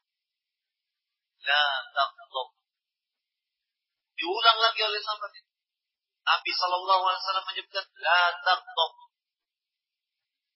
Berulang-ulang. Nabi menasihatkan jangan marah. Jangan jadi orang pemarah. Bahasa kita mungkin seperti itu. Jangan jadi orang yang bersumbu pendek. Bersumbu pendek. Petasan kalau sumbunya pendek. Masih dipegang. Sudah meledak. Kan begitu. Itu namanya manusia bersumbu pendek. Tersentuh sedikit saja langsung menggelegar La taqlub, la taqlub. Jangan marah. Jangan marah. Artinya jangan mudah kemudian kita naik pitam. Jangan mudah kemudian kita emosi. Apalagi menghadapi anak Apalagi dalam upaya mendidik anak-anak. Tapi anak ini lari-lari ke sana kemari. Ya kalau tidak lari-lari namanya bukan Anak-anak itu memang sedang masa pertumbuhan. Ada sesuatu yang baru dilihatnya. Yang oleh kalangan ahli pendidikan masa eksplorasi. Masa menggali sesuatu, sesuatu yang kita tahu. Punya mainan mungkin bongkar-bongkar meskipun tidak bisa dipasang lagi. Tidak sifatnya bongkar pasang, tapi bongkar saja. Nah, kemudian kita marah-marah. Baru dibelikan, sudah begini. Oh. Nah. Yang anak-anak yang mana? Yang marah-marah itu? Atau yang mana? Wajar. Maka bimbing anak-anak dengan sesuatu yang baik. Kalau memang dia membongkar-bongkar, tunjukkan bagaimana cara merangkai. Tunjukkan bagaimana cara memperbaikinya. Sebagaimana Rasulullah SAW tadi. Ketika ada seorang anak yang kemudian mengacak-acak makanan. Ingin ambil sana, ingin ambil sini, dan seterusnya. Nabi Shallallahu Alaihi Wasallam menegurnya dan memberitahu cara yang terbaik yang harus dia perbuat. Kul mimma yali. Ambil yang terdekat dengan kan begitu. Lantas langsung badannya ambil ke sana. Ini adalah adab yang diajarkan oleh Rasulullah Sallallahu Alaihi Wasallam pada seorang anak dan itulah yang kita contoh. Dan Nabi Sallallahu Alaihi Wasallam tidak kemudian marah kepada sahabat kecil ini Umar bin Abi Salamah. Tidak kemudian marah. Kalau marah, Kalau ada orang tua yang melihat anaknya kurang berkenan, melakukan perbuatan kurang berkenan, nah kemudian orang tuanya marah.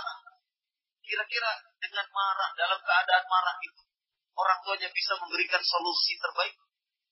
Bisa mengarahkan, membimbing anaknya kepada sesuatu yang baik? Tidak akan bisa.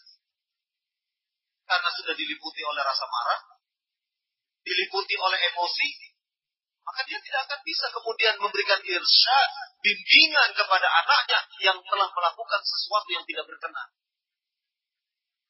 Itu dampak buruk dari sikap marah, sikap emosi yang tidak terkontrol. Yang akibatnya anak tidak mendapatkan bimbingan untuk melakukan sesuatu yang benar. Karena apa? Karena seorang sebagai pendidik, sebagai orang tuanya, atau sebagai gurunya, telah melampiaskan terlebih dahulu emosinya kepada anak. Maka hadirin kaum muslimin rahmatullah, ini salah satu bentuk metode yang diajarkan di dalam agama ini dalam masalah tarbiyatul aulad pendidikan maka mari kita jadikan rumah kita rumah yang penuh dengan sakinah ketenangan di antara bentuk ketenangan itu kalau ada masalah yang ditimbulkan oleh anak dicarikan jalan keluar dicarikan solusinya. Tidak lantas kemudian ketika ada masalah, sang ayah membentak-bentak, sang ibu omel, berkata-kata yang tidak baik. Mari jadikan rumah itu sesuatu yang memberikan sifat sekian sehingga dengan demikian pendidikan anak itu betul-betul berdasarkan atas manhaj, atas metode yang telah dicontohkan oleh Rasulullah Sallallahu Alaihi wasallam. Itu yang bisa saya sampaikan pada kesempatan malam hari ini. Mudah-mudahan apa yang disampaikan pada kesempatan malam hari ini bisa bermanfaat, terkhusus dalam masalah pendidikan anak-anak. Wallahu a'lam bishawab. Subhanakallah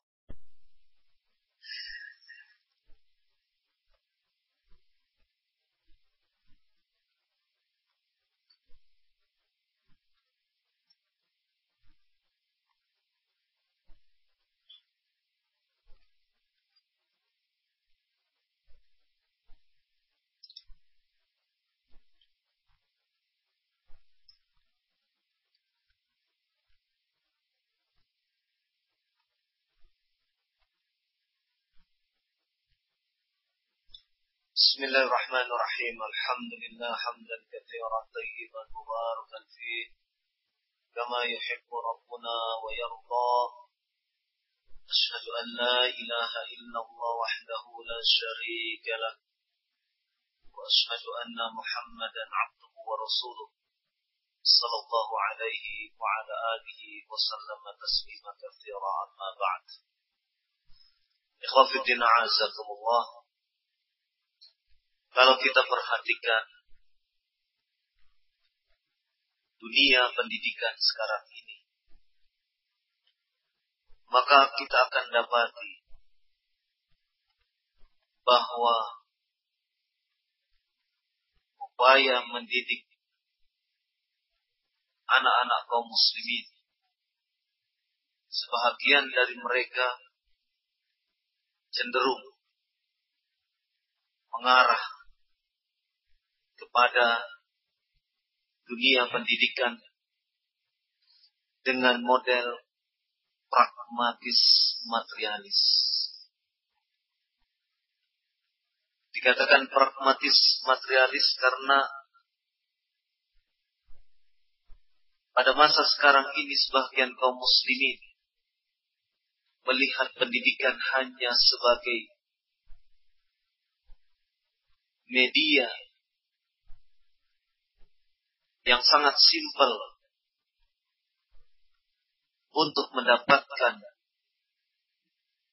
pekerjaan dan penghasilan.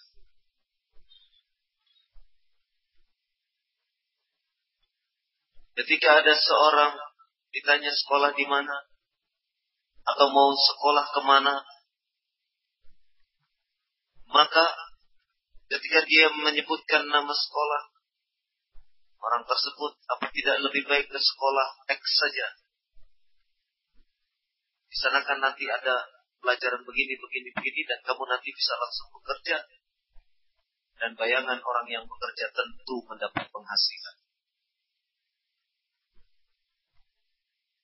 pragmatis materialis. Sehingga upaya-upaya untuk memperbaiki akhlak, memperbaiki adab, memperbaiki akidah, pemahaman yang benar di dalam agama. Waktu yang tersedia teramat sangat sedikit. pelajaran agama berapa jam per minggu? Nah, dua jam.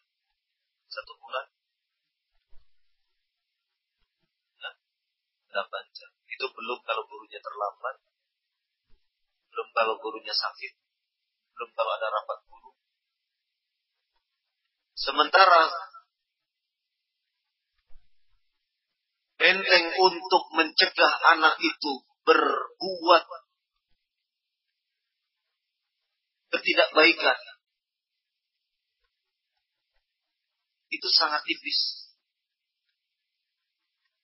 Sedangkan serbuan budaya kufur, budaya kekufuran, budaya kesyirikan, budaya kemungkaran semak, semak, sedemikian dahsyat 24 jam terus menerus menggempur anak-anak kaum muslimin.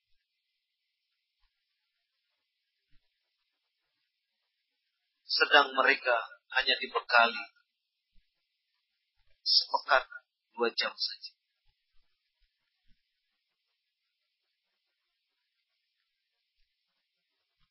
Bagaimana mungkin kemudian mereka bisa memiliki mental yang kuat? kepribadian yang tangguh.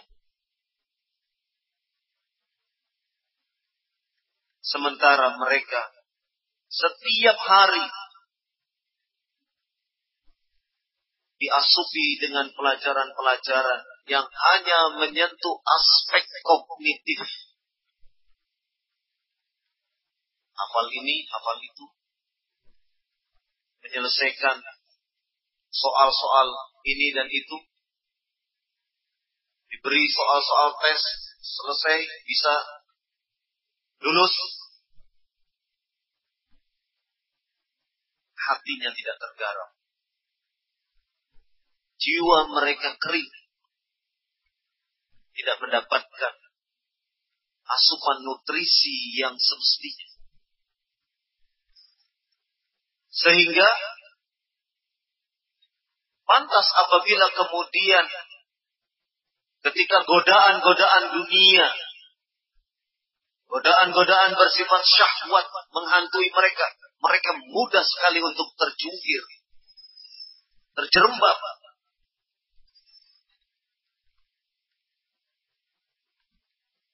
Karena apa? Karena dunia pendidikan sekarang mengarah kepada sesuatu yang sifatnya pragmatis material. Kalau ada anak kita kemudian dimasukkan ke pondok pesantren. Kemudian ditanya oleh simbahnya. Simpan kalau di samping? Kakek. Ditanya sama kainya. Di mana anak? Anakmu sekolah. Di pondok pesantren. Kayaknya akan berkata, mau jadi apa dia?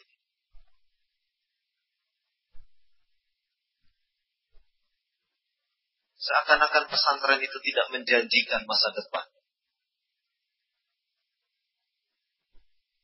Seakan-akan belajar agama adalah sesuatu yang rendah. Apalagi pondok pesantrennya tidak mengeluarkan ijazah. Tambah kacau lagi pikirannya. Nanti bekerja di mana? Dia itu kan laki-laki harus mencari nafkah. Kalau nggak ada ijazahnya, mau kerja di mana?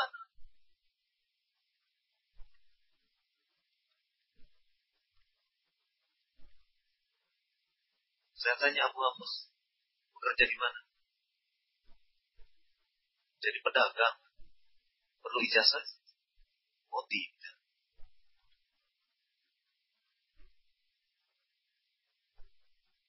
Coba tanya penjual semen itu. Waktu jual semen harus ada ijazahnya Pak.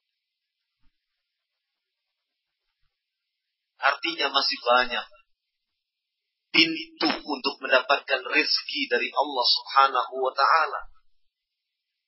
Kalau pikiran kita itu cepat dalam pengertian sempit.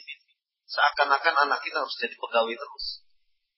Ya, memang pikiran kita nanti akan menjurus. Anak kita harus dapat ijazah. Seakan-akan dunia ini kemudian dipersempit oleh diri kita. Dibatasi. Seseorang yang berhasil itu manakala dia telah mendapatkan ijazah. Sarjana, S1, S2, S3 Gelarnya berderet, profesor, doktor, insidu, doktoratus, SE, MA, MBA, ALM, dan seterusnya.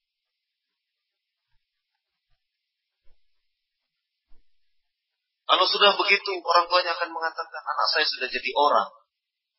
Nah selama ini,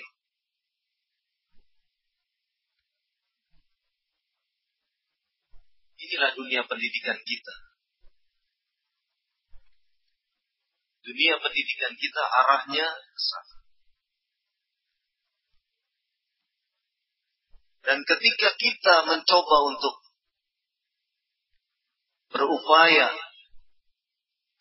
agar anak-anak salafiyin benar-benar memiliki kepribadian yang tangguh,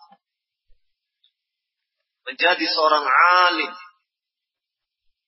orang yang berilmu, yang saleh,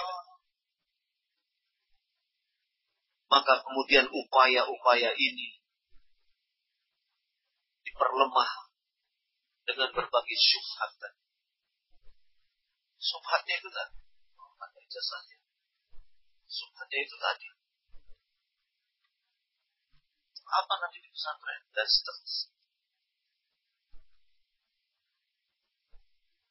Maka mari kita perhatikan. Belajar dari sejarah. Organisasi-organisasi masa yang besar.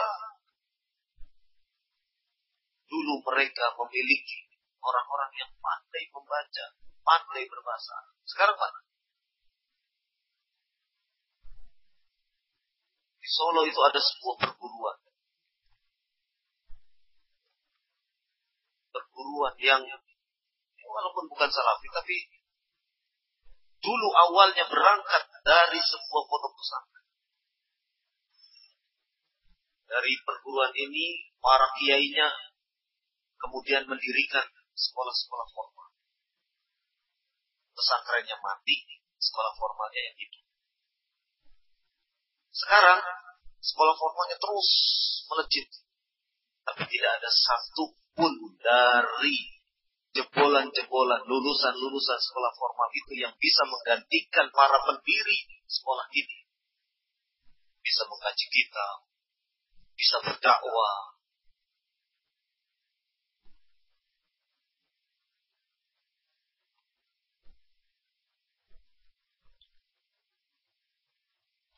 Ini menunjukkan bahwasanya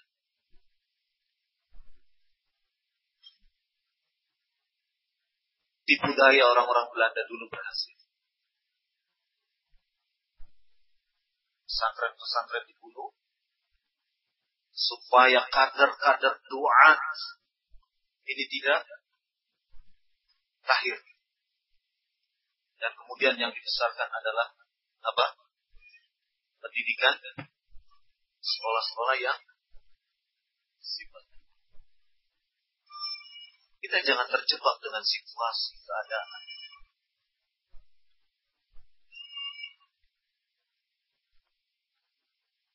Akankah kita akan mengikuti arus?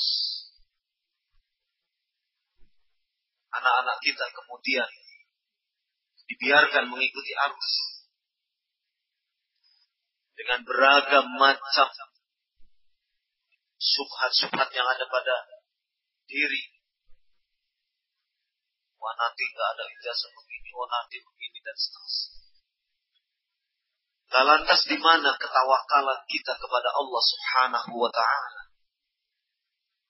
Bukankah kita yakin bahwasanya Allah adalah yang Maha Pemberi rezeki? Bukankah kita yakin bahwasanya Allah tidak akan membiarkan hambanya yang menolong agamanya.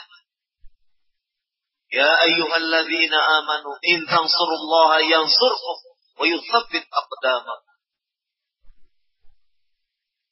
Wahai orang-orang yang beriman. Jika kalian menolong agama Allah, maka niscaya Allah akan menolong kalian dan akan mengokohkan kaki-kaki kalian. Tidakkah kita yakin? Dengan ayat ini? Tapi kenapa kemudian kita gundah gulana melihat anak-anak kemudian masuk belajar. Mempelajari Al-Quran, mempelajari hadis-hadis Nabi Sallallahu Alaihi Wasallam, hafal dan mengamalkannya. Tapi kenapa kemudian orang tuanya gundah gulana, gelisah, khawatir? Jangan-jangan anak kita tidak mendapat pekerjaan. Jangan-jangan anak kita nanti susah cari rezeki. Di mana keyakinan kita bahwasanya Allah lah yang maha memberi rezeki Ini semua kegelisahan, kekhawatiran, gundah gulana itu semua adalah akibat dari asar pengaruh pendidikan yang selama ini kita jalani.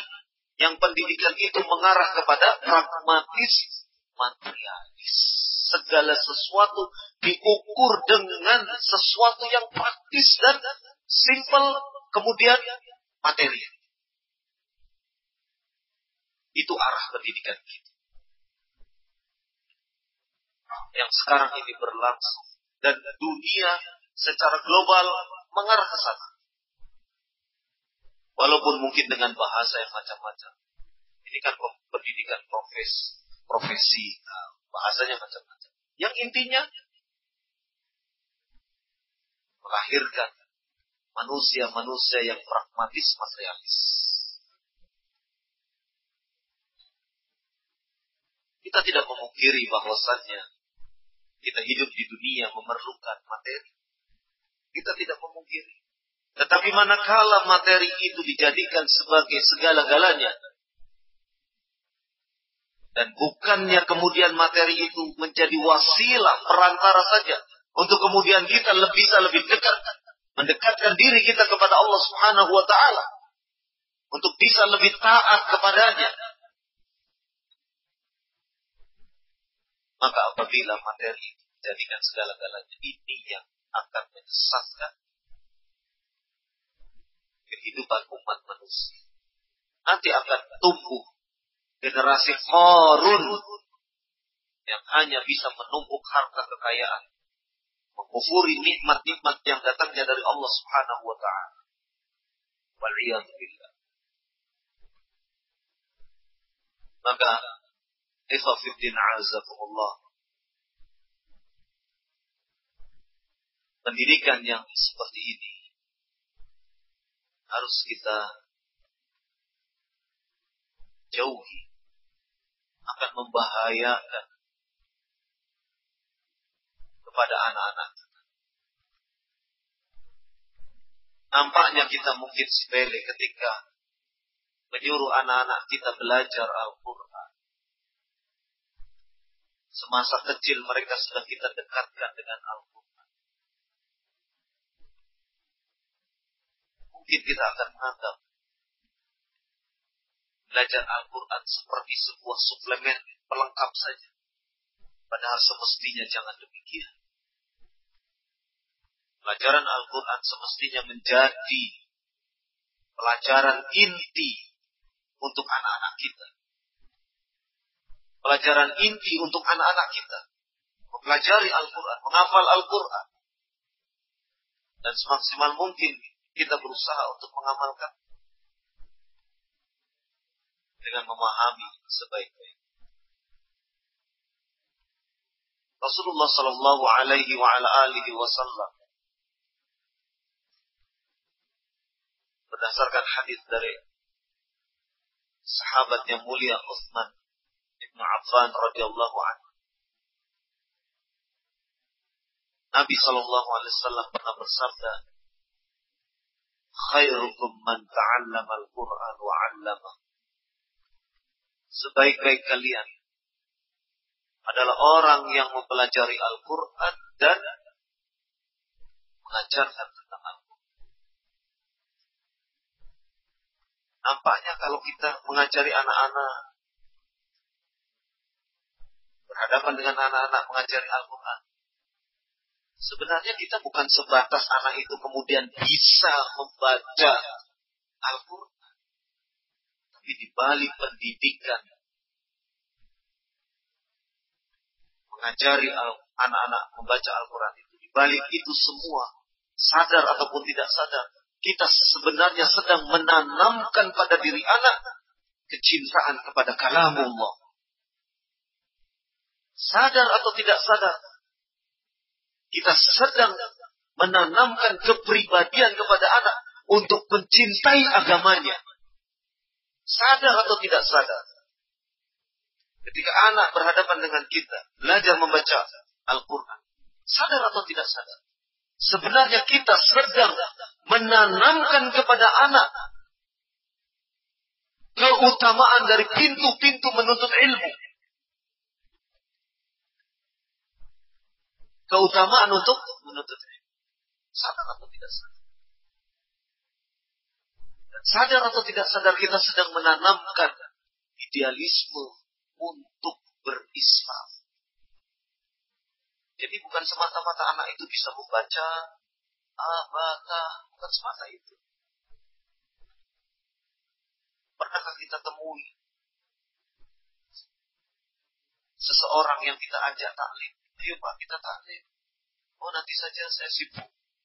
Besok lusa lagi. Pak, ayo kita taklim. Oh saya ada urusan keluar kota. Selidik punya selidik ternyata dia tidak mau hadir di majelis ilmu karena belum bisa baca Al-Quran. Dia minder. Khawatir nanti teman-temannya bisa baca Quran, dia tidak bisa baca. Minder. Akhirnya tidak mau menuntut ilmu.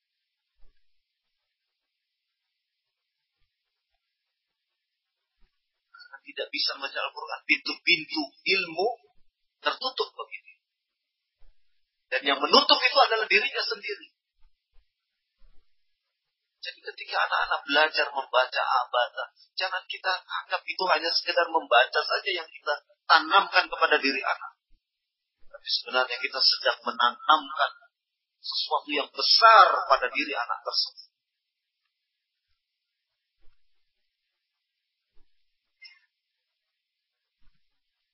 Dia akan mengenal Robnya melalui Al-Quran. mengenal Allah Subhanahu wa taala sebagai pencipta. Melalui Al-Qur'an. Jadi kita sedang mengajari anak itu untuk melakukan satu langkah yang besar ke depannya. Ketika anak itu belajar huruf-huruf apa. Maka pantas Rasulullah Shallallahu Alaihi Wasallam menyebutkan khairut khairukum man ta'allama Quran wa 'allama. Sebaik-baik kalian itu adalah orang yang mengajari, mempelajari Al-Quran Karena dari seseorang yang mempelajari Al-Quran atau mengajarkan tentang Al-Quran akan terbuka pintu-pintu sekian banyak pintu kebaikan untuk orang yang mau mengajari dan orang yang mau belajar tentang Al-Quran. Maka arah pendidikan kita bagaimana memprogram anak-anak itu dengan materi pokok Al-Quran, dengan materi pokok hadis Nabi Sallallahu Alaihi Wasallam. Dan kita mengawasinya, mengontrolnya agar mereka pun mengamalkan dari apa yang telah diajarkan di dalam agama Sehingga nilai-nilai pelajaran itu tidak semata-mata hafalan saja, tetapi juga diwujudkan dalam bentuk pengamalan keseharian. Maka ikhwafiddin azakumullah berat memang mendidik anak pada masa sekarang. Godaannya sedemikian besar. Godaannya sedemikian besar. Apalagi pengaruh pendidikan yang terdahulu masih tertanam kuat di dalam diri seseorang.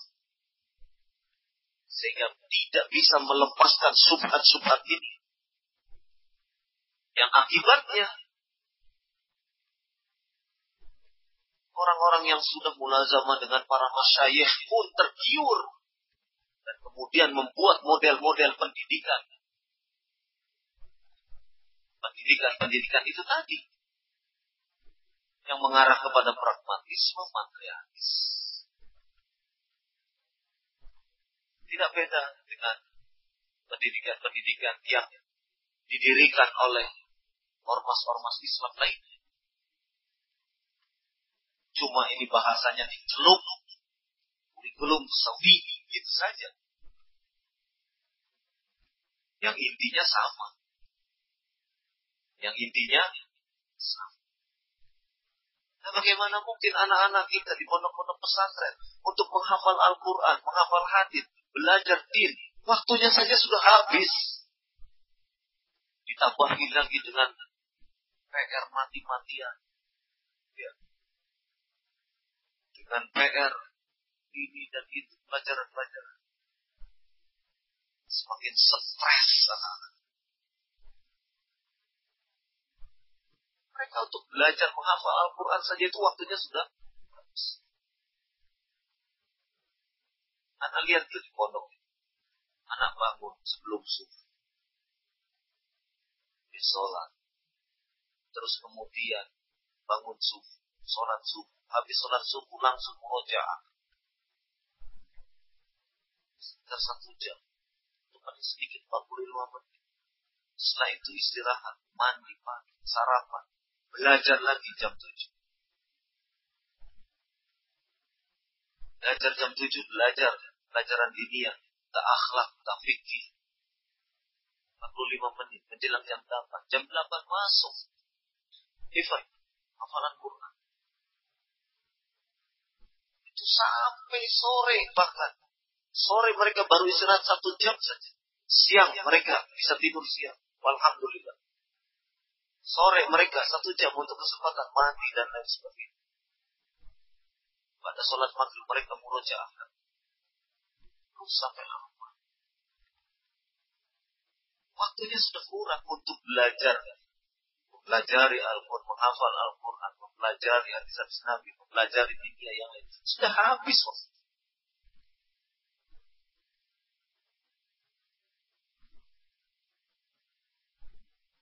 Maka, tapi insya Allah Allah memberkahi model-model pendidikan yang semacam ini.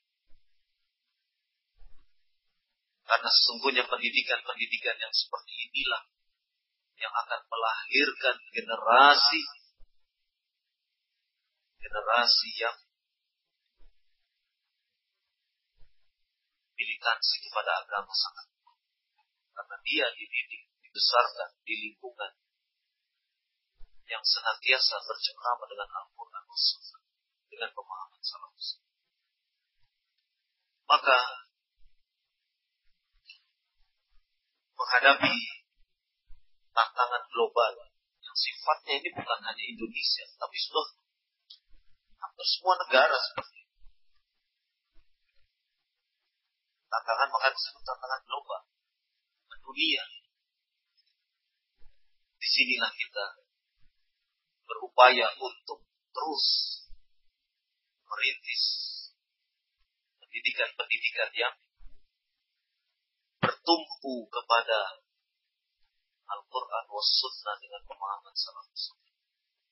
Kurikulumnya senantiasa didominasi oleh Al-Quran was sunnah dengan pemahaman salafus. Amal usaha mengamalkannya dan seterusnya. Wallahu a'lam bishawab. Mungkin ini yang bisa saya sampaikan pada kesempatan materi terbiatul aulad pendidikan tentang masalah anak. Dan masih banyak permasalahan-masalah permasalahan-permasalahan pendidikan. Yang sebenarnya kita sangat menginginkan pembicaraan yang bisa di lebih luas, tetapi karena waktu kesempatan yang sangat terbatas mudah-mudahan. Di lain hari, di lain kesempatan, di lain waktu. Kita bisa untuk membicarakan kembali. Allahu a'lam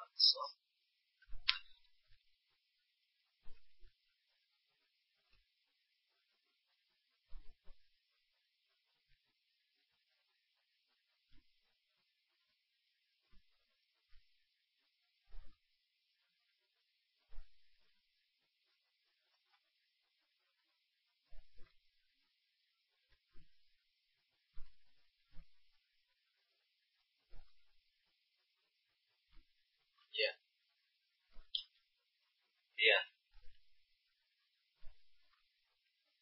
Inilah hati. Hati manusia ada di antara dua jari jemari Allah Subhanahu wa taala. Sebenarnya sudah sejak 2005 kita memberikan nasihat. Bahkan sejak di hadapan Syekh Abdullah Marif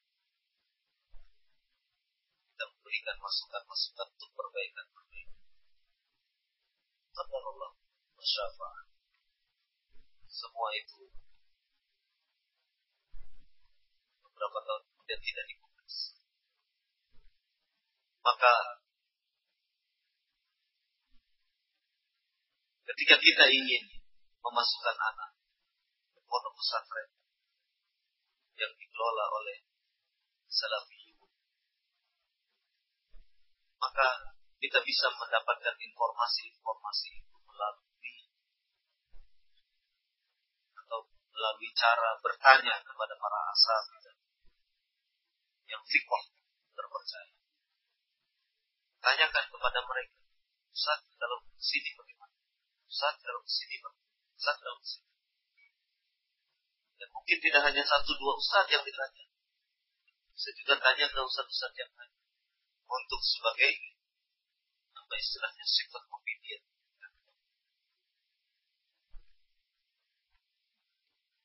Dan kemudian kita pun melihat datang ke sana. Apa yang diajarkan, mana buku-bukunya, dan begitu. Sehingga kita tahu secara pasti bahwasanya memang benar-benar diajarkan adalah sesuatu yang tidak menyelisihi manhaj salaf. Ini penting. Informasi-informasi seperti ini penting untuk kita dapat. Jadi asal jangan sengaja melalui seorang ikhwan sebentar tahan tanya dulu ustaz-ustaz yang lain bagaimana keadaannya ini penting untuk supaya kita mendapatkan informasi yang selengkap mungkin. Selengkap mungkin. Jangan sampai sudah di tengah jalan kemudian ternyata tidak sebagaimana yang kita harap. Wallahu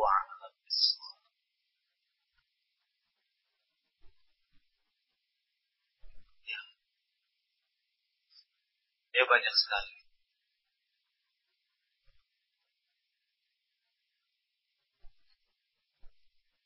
Jadi di antaranya adalah mengajarkan tentang demokrasi.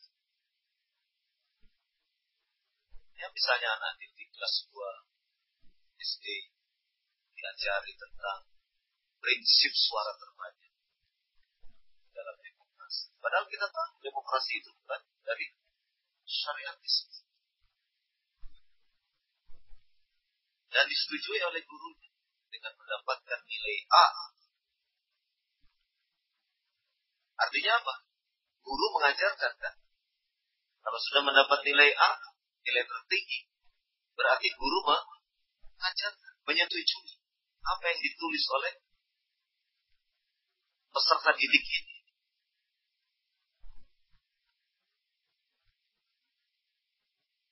Dan banyak hal lain.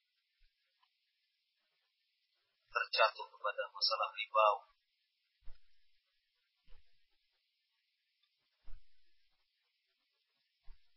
Dan banyak hal yang lain yang sebenarnya para tidak sudahlah tutup sudah. Tapi itu tadi akhirnya ya banyak yang tahu.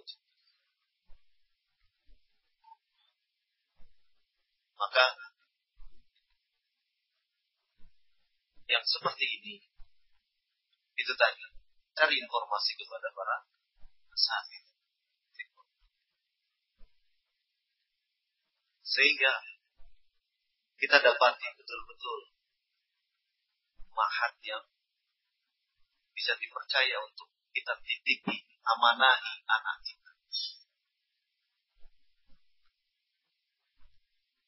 Saya bisa.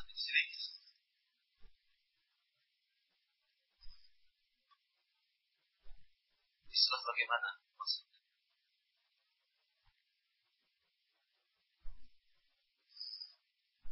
Ya sekarang permasalahannya. Dulu awal buku-buku pelajaran. Kemudian diperbaiki. Kemudian diperbaiki terjatuh lagi dalam masalah lain. Misalnya ada try out. Anak-anak mau lulus ujian negara kan try out. Ujian, ya kan? Nah, try out ini penyelenggaranya adalah sebuah bimbel milik ikhwanul muslimin. Orang-orang berpikiran ikhwanul muslimin. Anak-anak kita kemudian tryout di SMP sana, di SMP sana. Bergabung dengan mereka.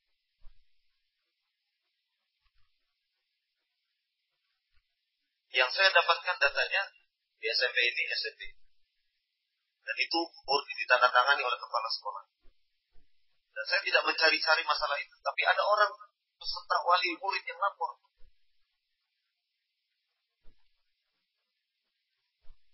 Saya tidak mencari-cari data. Tapi ada orang mengadu, Ustaz, masa begini salah. Oh, kaget saya. Jadi banyak sekali. Iya, banyak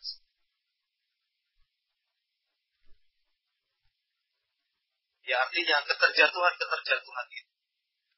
Walaupun mau sekarang saya kami sudah perbaiki, tapi kemudian terjatuh. Kami terjatuh. Kenapa? Karena memang sistemnya Ibaratkan kita punya, ibaratkan kita membeli mobil. mobilnya sudah rusak. Sekarang kita perbaiki, oh ini kan pas remnya, diganti yang baru. Ah sudah bagus, jalan lagi. Oh ternyata krok krok krok krok krok. Jatuh lagi. Oh ternyata ininya, olinya, ini dan itunya. Jalan lagi, oh sudah. Oh ternyata ini. Karena apa? Kenapa harus kok terus diservis? Kenapa? Karena memang mobilnya sudah masanya apa? Tidak bagus. Nah ini sistemnya. Memang begitu.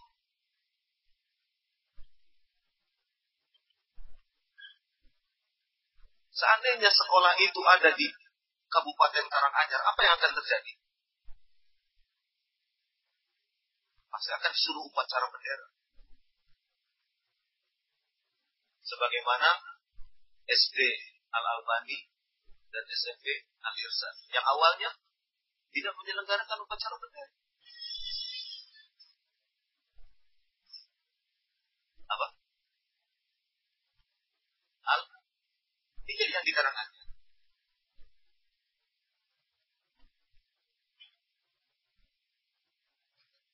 Sekarang, nah itu sudah tidak masuk pembicaraan kita. Baca lagi. Artinya peraturan itu kan peraturan nasional. Mungkin kita sekarang mengatakan kami tidak menyelenggarakan. Iya. Tapi kan pejabat senantiasa berganti kan. Pas waktu kontrol. Apakah kemudian akan begitu? Jadi Karanganyar itu sampai kemudian di bupatinya jadi inspektur upacara. Karena ini peraturan. Mungkin pada tahun sekarang lolos, ya. tahun depan lolos, tahun depan lagi lolos. Maka tahun-tahun berikutnya akan ada jaminan.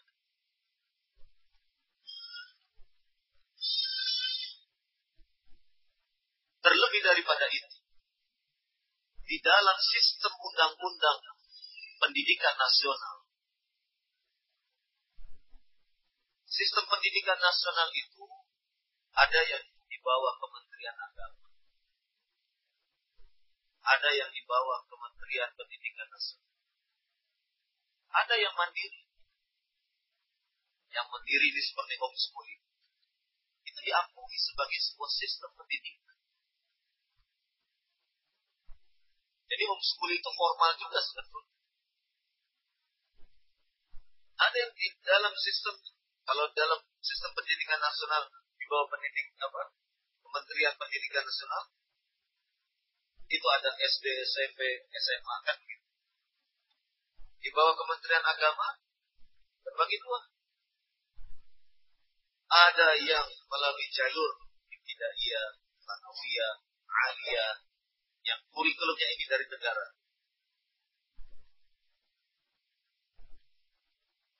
Ada yang sistem pendidikan model pondok pesantren yang kurikulumnya diserahkan kepada pak kiai.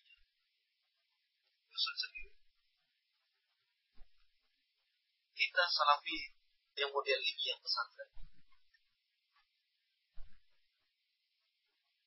Yang tidak diganggu. Mendapatkan kebebasan. Dan juga dilindungi oleh negara. Bisa mengajarkan kita tauhid, kita para ulama salaf. Kalau kita tanyakan ke masyarakat, kepada para ulama. Bisa ada pendidikan model begini, pendidikan model begini. Ya Syekh, mana yang untuk kita? Kan begitu tanya. Kira-kira Syekh akan memilihkan untuk kita yang mana?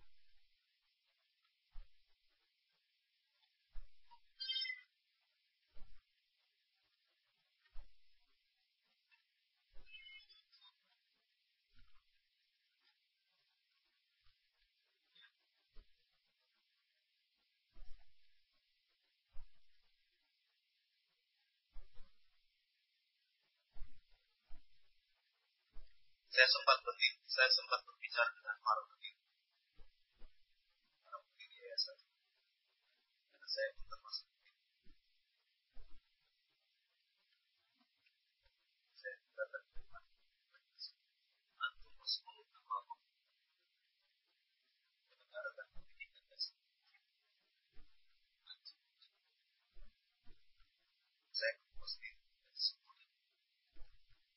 tidak segera banting setir.